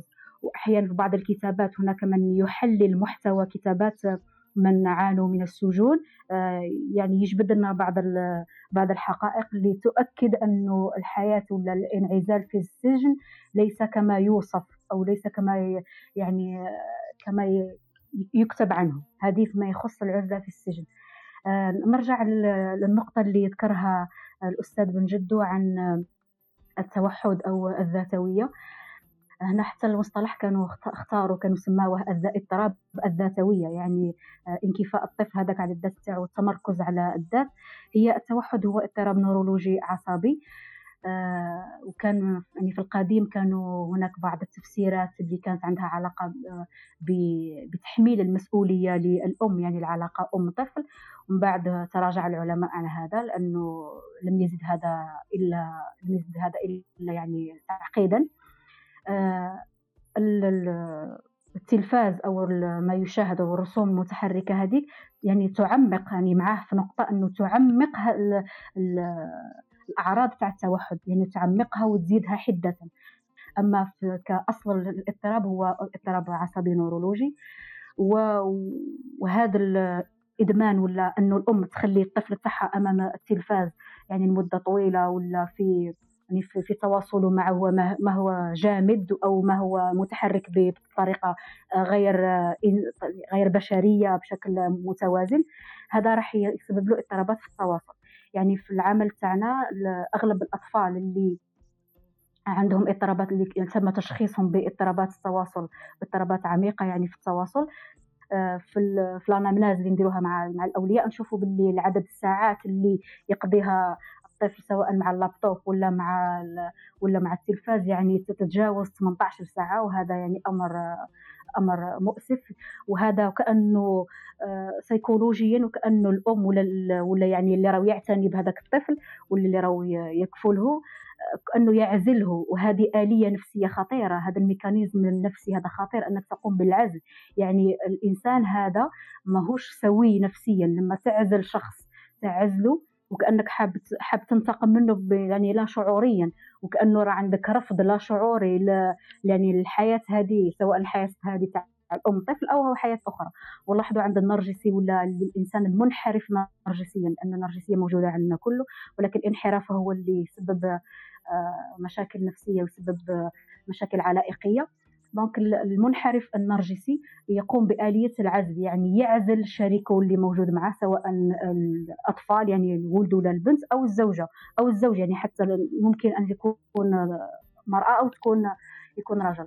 يعزله عن العالم الخارجي آه، لتحطيمه وحتى يعني تغيب عنه ذاته حتى يعني يشوش يعني العقل تاعو هذه من بين الميكانيزمات اللي تستخدم في يعني حتى للتحكم يعني حتى تتحكم في الآخر تعزله تعزله عن عن الموجودات اللي معاه عن المواضيع المواضيع هنا نقصد بها الإنسان. يقصد l'objet هنا le sujet هذاك. كي تعزلوا على le sujet donc راك راك تحرموا من حياة نفسية سوية وتحرموا من من النمو النفسي ون- و- يعني والتفاعل ال- الإيجابي. العزلة الإيجابية والعزلة المحمودة هي اللي يكون فيها استحضار يكون فيها استحضار للذات. يعني ما كانش سحب للاستثمار النفسي. يعني أنت في خلوة أنت في عزلة ولكن ذاتك حاضرة.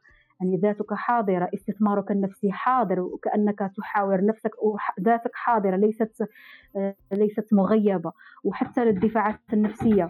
يعني حتى الدفاعات النفسية تسقط آه، في هذيك العزلة وتحضر الذات هنا والتعرف يتم بشكل بشكل أحسن. لكن تكون إرادية تكون عن وعي. أنت تروح لها بمحض إرادتك تروح لها مع ذاتك يعني مع الذات تاعك يعطيكم الصحة وبارك الله فيكم.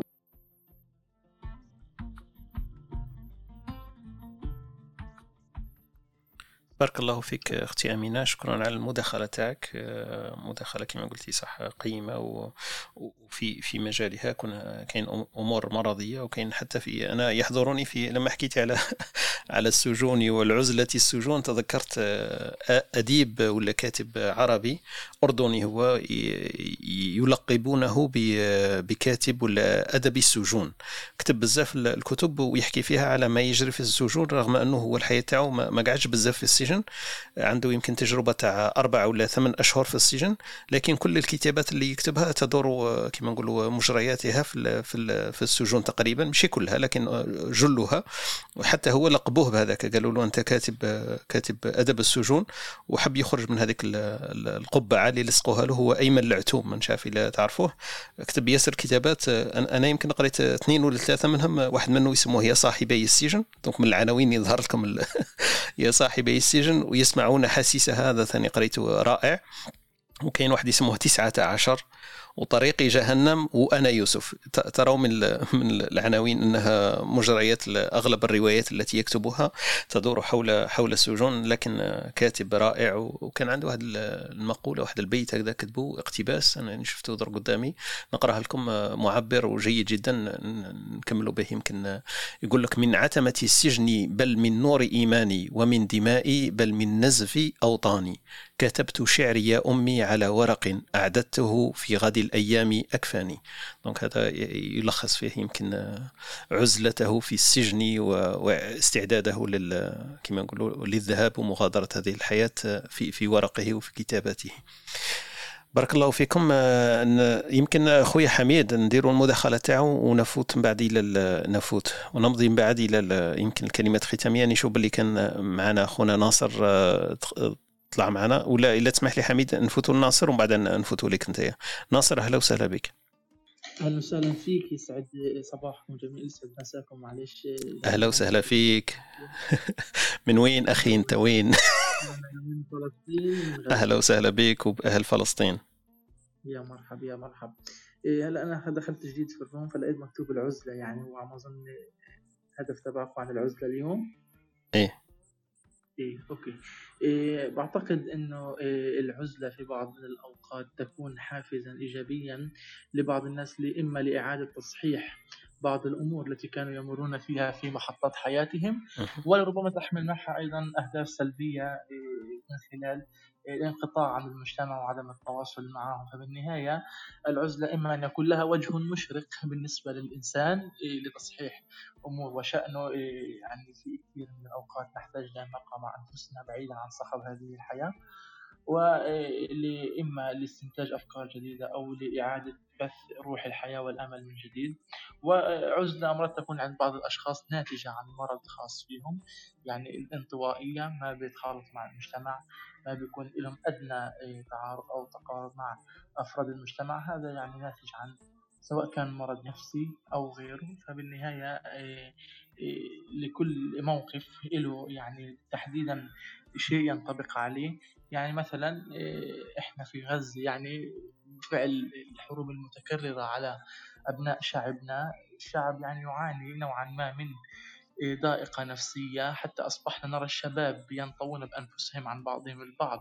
صرنا يعني اليوم نشوف إيه، كل واحد قاعد في حاله ما بيحكي مع الثاني هذا نتاج الحروب المتكررة وأثارها على النفسية للمواطن للنفسية على الشخص أثرت عليهم بشكل كبير.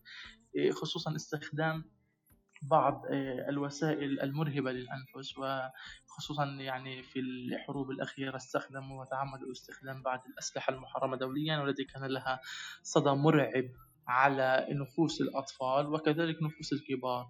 فيعني صار عندنا في في مجتمعنا بحكي عن غزة بدأنا نشعر أنه أغلب الناس تحاول عدم الانخراط بالحياة المجتمعية وهذا يعتبر من الآثار السلبية للحروب آه، الإسرائيلية على آه، أبناء شعبنا الفلسطيني.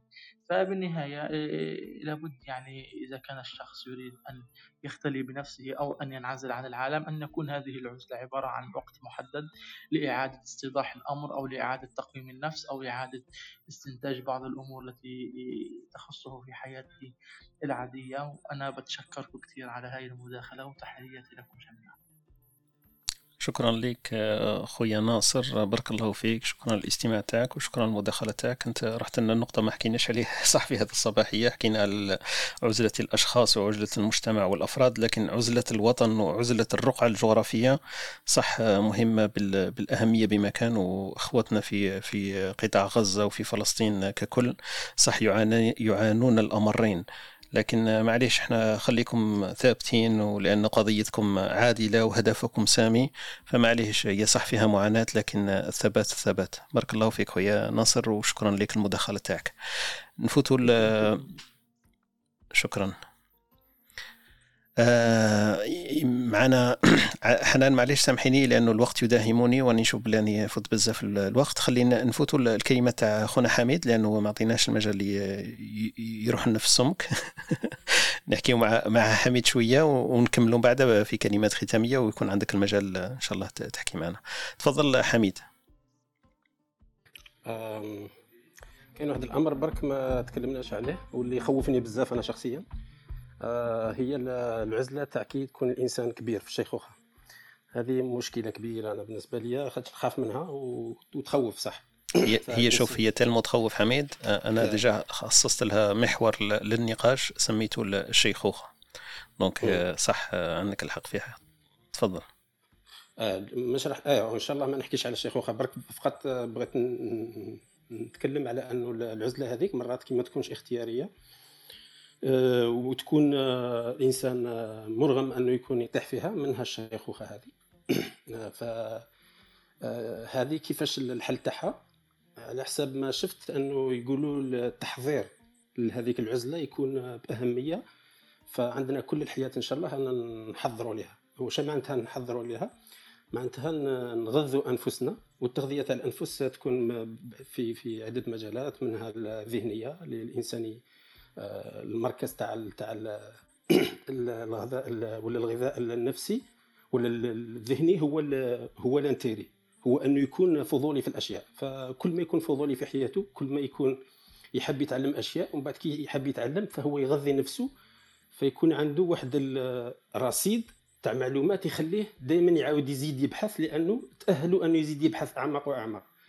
فيصير قضية العزلة ما تخوفوش بزاف وم- وما يخافش بزاف من من من قضية ال- الوحدة اللي كاينة في هذيك العزلة. c'est-à-dire le sentiment تاع la solitude اللي كاين في l'isolement كي يكون آه، كبير مش راح يكون بهذاك الوضع تاعو كون يحضر نفسه. bien sûr يحضر نفسه روحيا يحضر نفسه آه، جسديا كاع هادو تحضيرات لهذيك المرحلة اللي الإنسان يخاف منها لأنه الوحدة le sentiment تاع الوحدة الشعور ولا الإحساس بالوحدة قادر يكون فقط آه، لأنه ما يقدرش يتحرك ما يقدرش يكون utile ما يقدرش يكون آه، آه، كيفاش نقولوا utile يقدرش فعال، ي- ما يكونش فعال. فعال. فعال أيوه. فهذه المشكلة تاع تاع الوحدة اللي جايين لها من المفروض لا محالة راح راح تكون.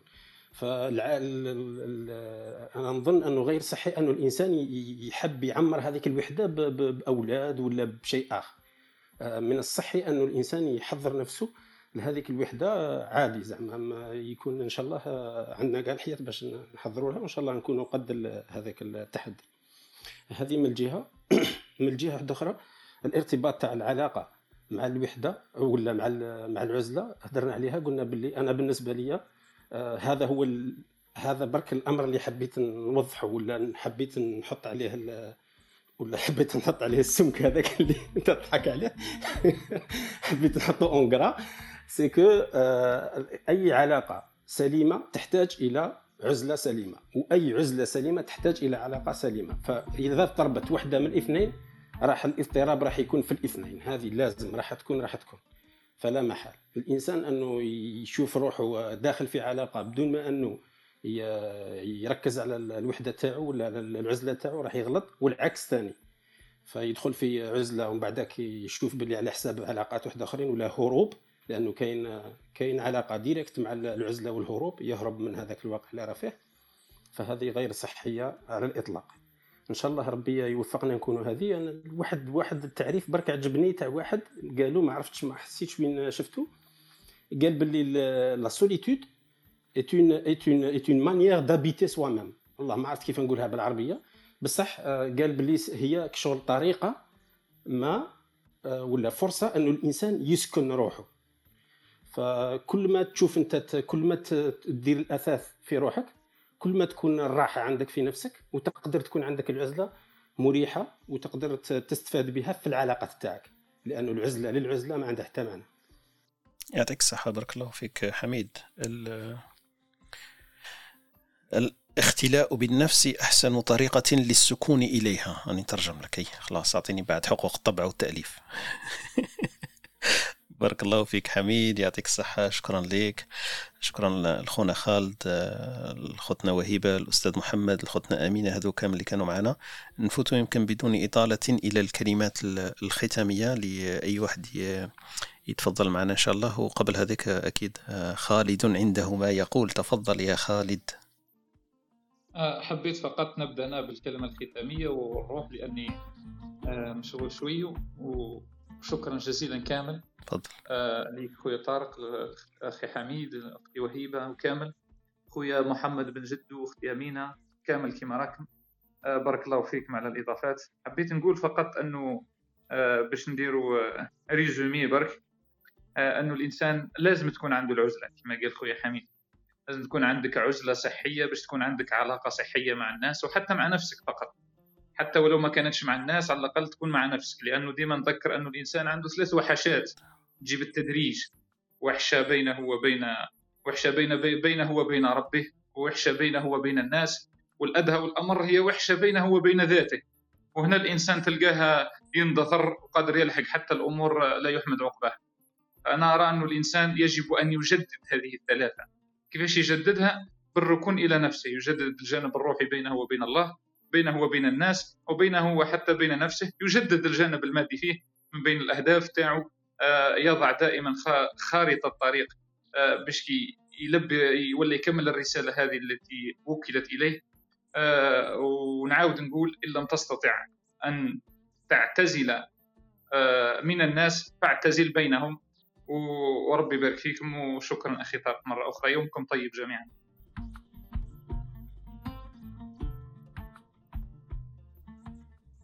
بارك الله فيك خويا خالد ويوم طيب وسعيد ومبارك لك تاني وشكرا على المداخلة وشكرا على الطي... الوقت ال- القيم اللي راك كما نقولوا تمنحنا إياه وعلى بالنا بلي عندك انشغالات واهتمامات كثيرة وعديدة في هذا اليوم فبارك الله فيك خويا خالد. أختي وهيبة وخويا حميد آه، آه، كما نقولوا البطيخة البطيخة بينكما فاقتسماها كما شئتما. تهدر. بارك الله فيك. نختم مع أختنا وهبه ملال. نديروا الكلمة الختامية مع أختنا وهبه قبل ما نفوتوا لهذه. نرحب ولا نسلم على خوتنا ونشكرهم اللي كانوا معنا مستمعين في هذا الصباح. كان معنا اخونا مصطفى اخونا محمد آه، كيها ولا كهينة يمكن. خوتنا خديجة كانت معنا منذ الصباح. شكرا لكم الوقت تاعك. إن شاء الله تكوني استفدتي كما إحنا استفدنا. خونا أحمد كان معنا. نسيم أمينة كذلك كانت معنا في هذه الصباحية. أميمة كذلك. وسام موسى سعيدة وسيف أمينة دخلت معنا وشكرا للمداخلة تاعها. كان معنا خونا عقبة عبد القادر خونا مراد كل هؤلاء كانوا معنا في هذا الصباح. نشكرهم نشكر الأستاذ محمد اللي طلع معنا خوتنا حنان آه، خونا نسيم اللي يطلع معنا ثاني هذا الصباح من من فلسطين الحبيبة. دونك شكرا لهم كامل. نفوتوا الكلمة الختامية لخوتنا وهبة تفضلي أختي وهبة الكلمة الختامية لك. آه، شكرا. لكم كما العادة الموضوع جميل جدا واستفدنا من كاع المداخلات. تبادل الآراء والنقاش المفيد. آه، أنا فقط آه، بما أني امرأة نحب ننصح كل آه، كل امرأة راح تكون شوية متحيزة أنها تركز على موضوع أنه تجد وقت في اليوم لنفسها ولو كان نصف ساعة تعزف نفسها عن كل الضجيج الذي حولها وتحاول تلقى نوع من الصمت يعني نوع من السكون آه، حتى تقدر آه، تجدد قواها يعني هذيك العزلة هذيك آه، العزلة نشوفها ضرورية جدا. يعني لأنه رتم الحياة الآن متسارع جدا وخصوصا الناس اللي تعيش في المدن الكبرى. يعني من ديال الإنسان من الصباح حتى المساء وانشغالاته لا تنتهي. لكن في لازم الإنسان يخصص وقت ولو قليل خصوصا النساء ولو قليل لأنه الرجل يقدر يفرض العزلة نتاعو ويخصص نفسه وقت ولكن المرأة دائما نشوف أنها دائما آه، مسؤولياتها يعني متعددة وهذا الوقت جعل مسؤولياتنا يعني فوق طاقتنا تقريبا. يلزمها تجد هذاك الوقت وهذاك ال- الوقت اللي تعزل نفسها عن كل الضجيج اللي حولها حتى تستطيع تركز شوية على نفسها وتتأمل آه، وقت للتأمل وقت للراحة النفسية حتى تجدد قواها وتجدد آه، دائما أفكارها وتجدد كل شيء إن شاء الله. فقط يعني بارك الله فيك أختي وهبه شكرا لك وشكرا لكل المداخلات. آه إن شاء الله نلتقي غدا في محور جديد نحكي عليه إن شاء الله على الوعي. إن شاء الله يكون خوتنا يشاركونا بالأفكار تاعهم ولا بالتعاريف تاعهم ولا بالخبرات تاعهم اللي في هذا الباب ولا هذا المصطلح مصطلح الوعي. وإن شاء الله يكون آه، يوم سعيد لكل من استمع علينا وإن شاء الله يكونوا الخوة اللي كانوا معنا استفادوا. donc آه، نخليكم مع هذا الفاصل هذا الختامي وأتمنى لكم إن شاء الله يوم سعيد. بارك الله فيكم والسلام عليكم. شكرا لاستماعكم لبرنامجنا. كنتم مع إسبريسو Talk مع طارق. تابعونا live يوميا من الاثنين حتى الجمعة. تجدون تسجيل في شكل بودكاست على موقعنا studio T dot FM أو على سبوتيفاي أو أبل بودكاست أو منصتكم المفضلة للبودكاست. لا تنسى أن تشاركه مع من يمكن أن يهمه موضوع الحلقة. ليصلك تنبيه عند بدء غرفنا الرجاء الانضمام إلى ال club studio T dot FM عبر الضغط على البيت الأخضر في الأعلى.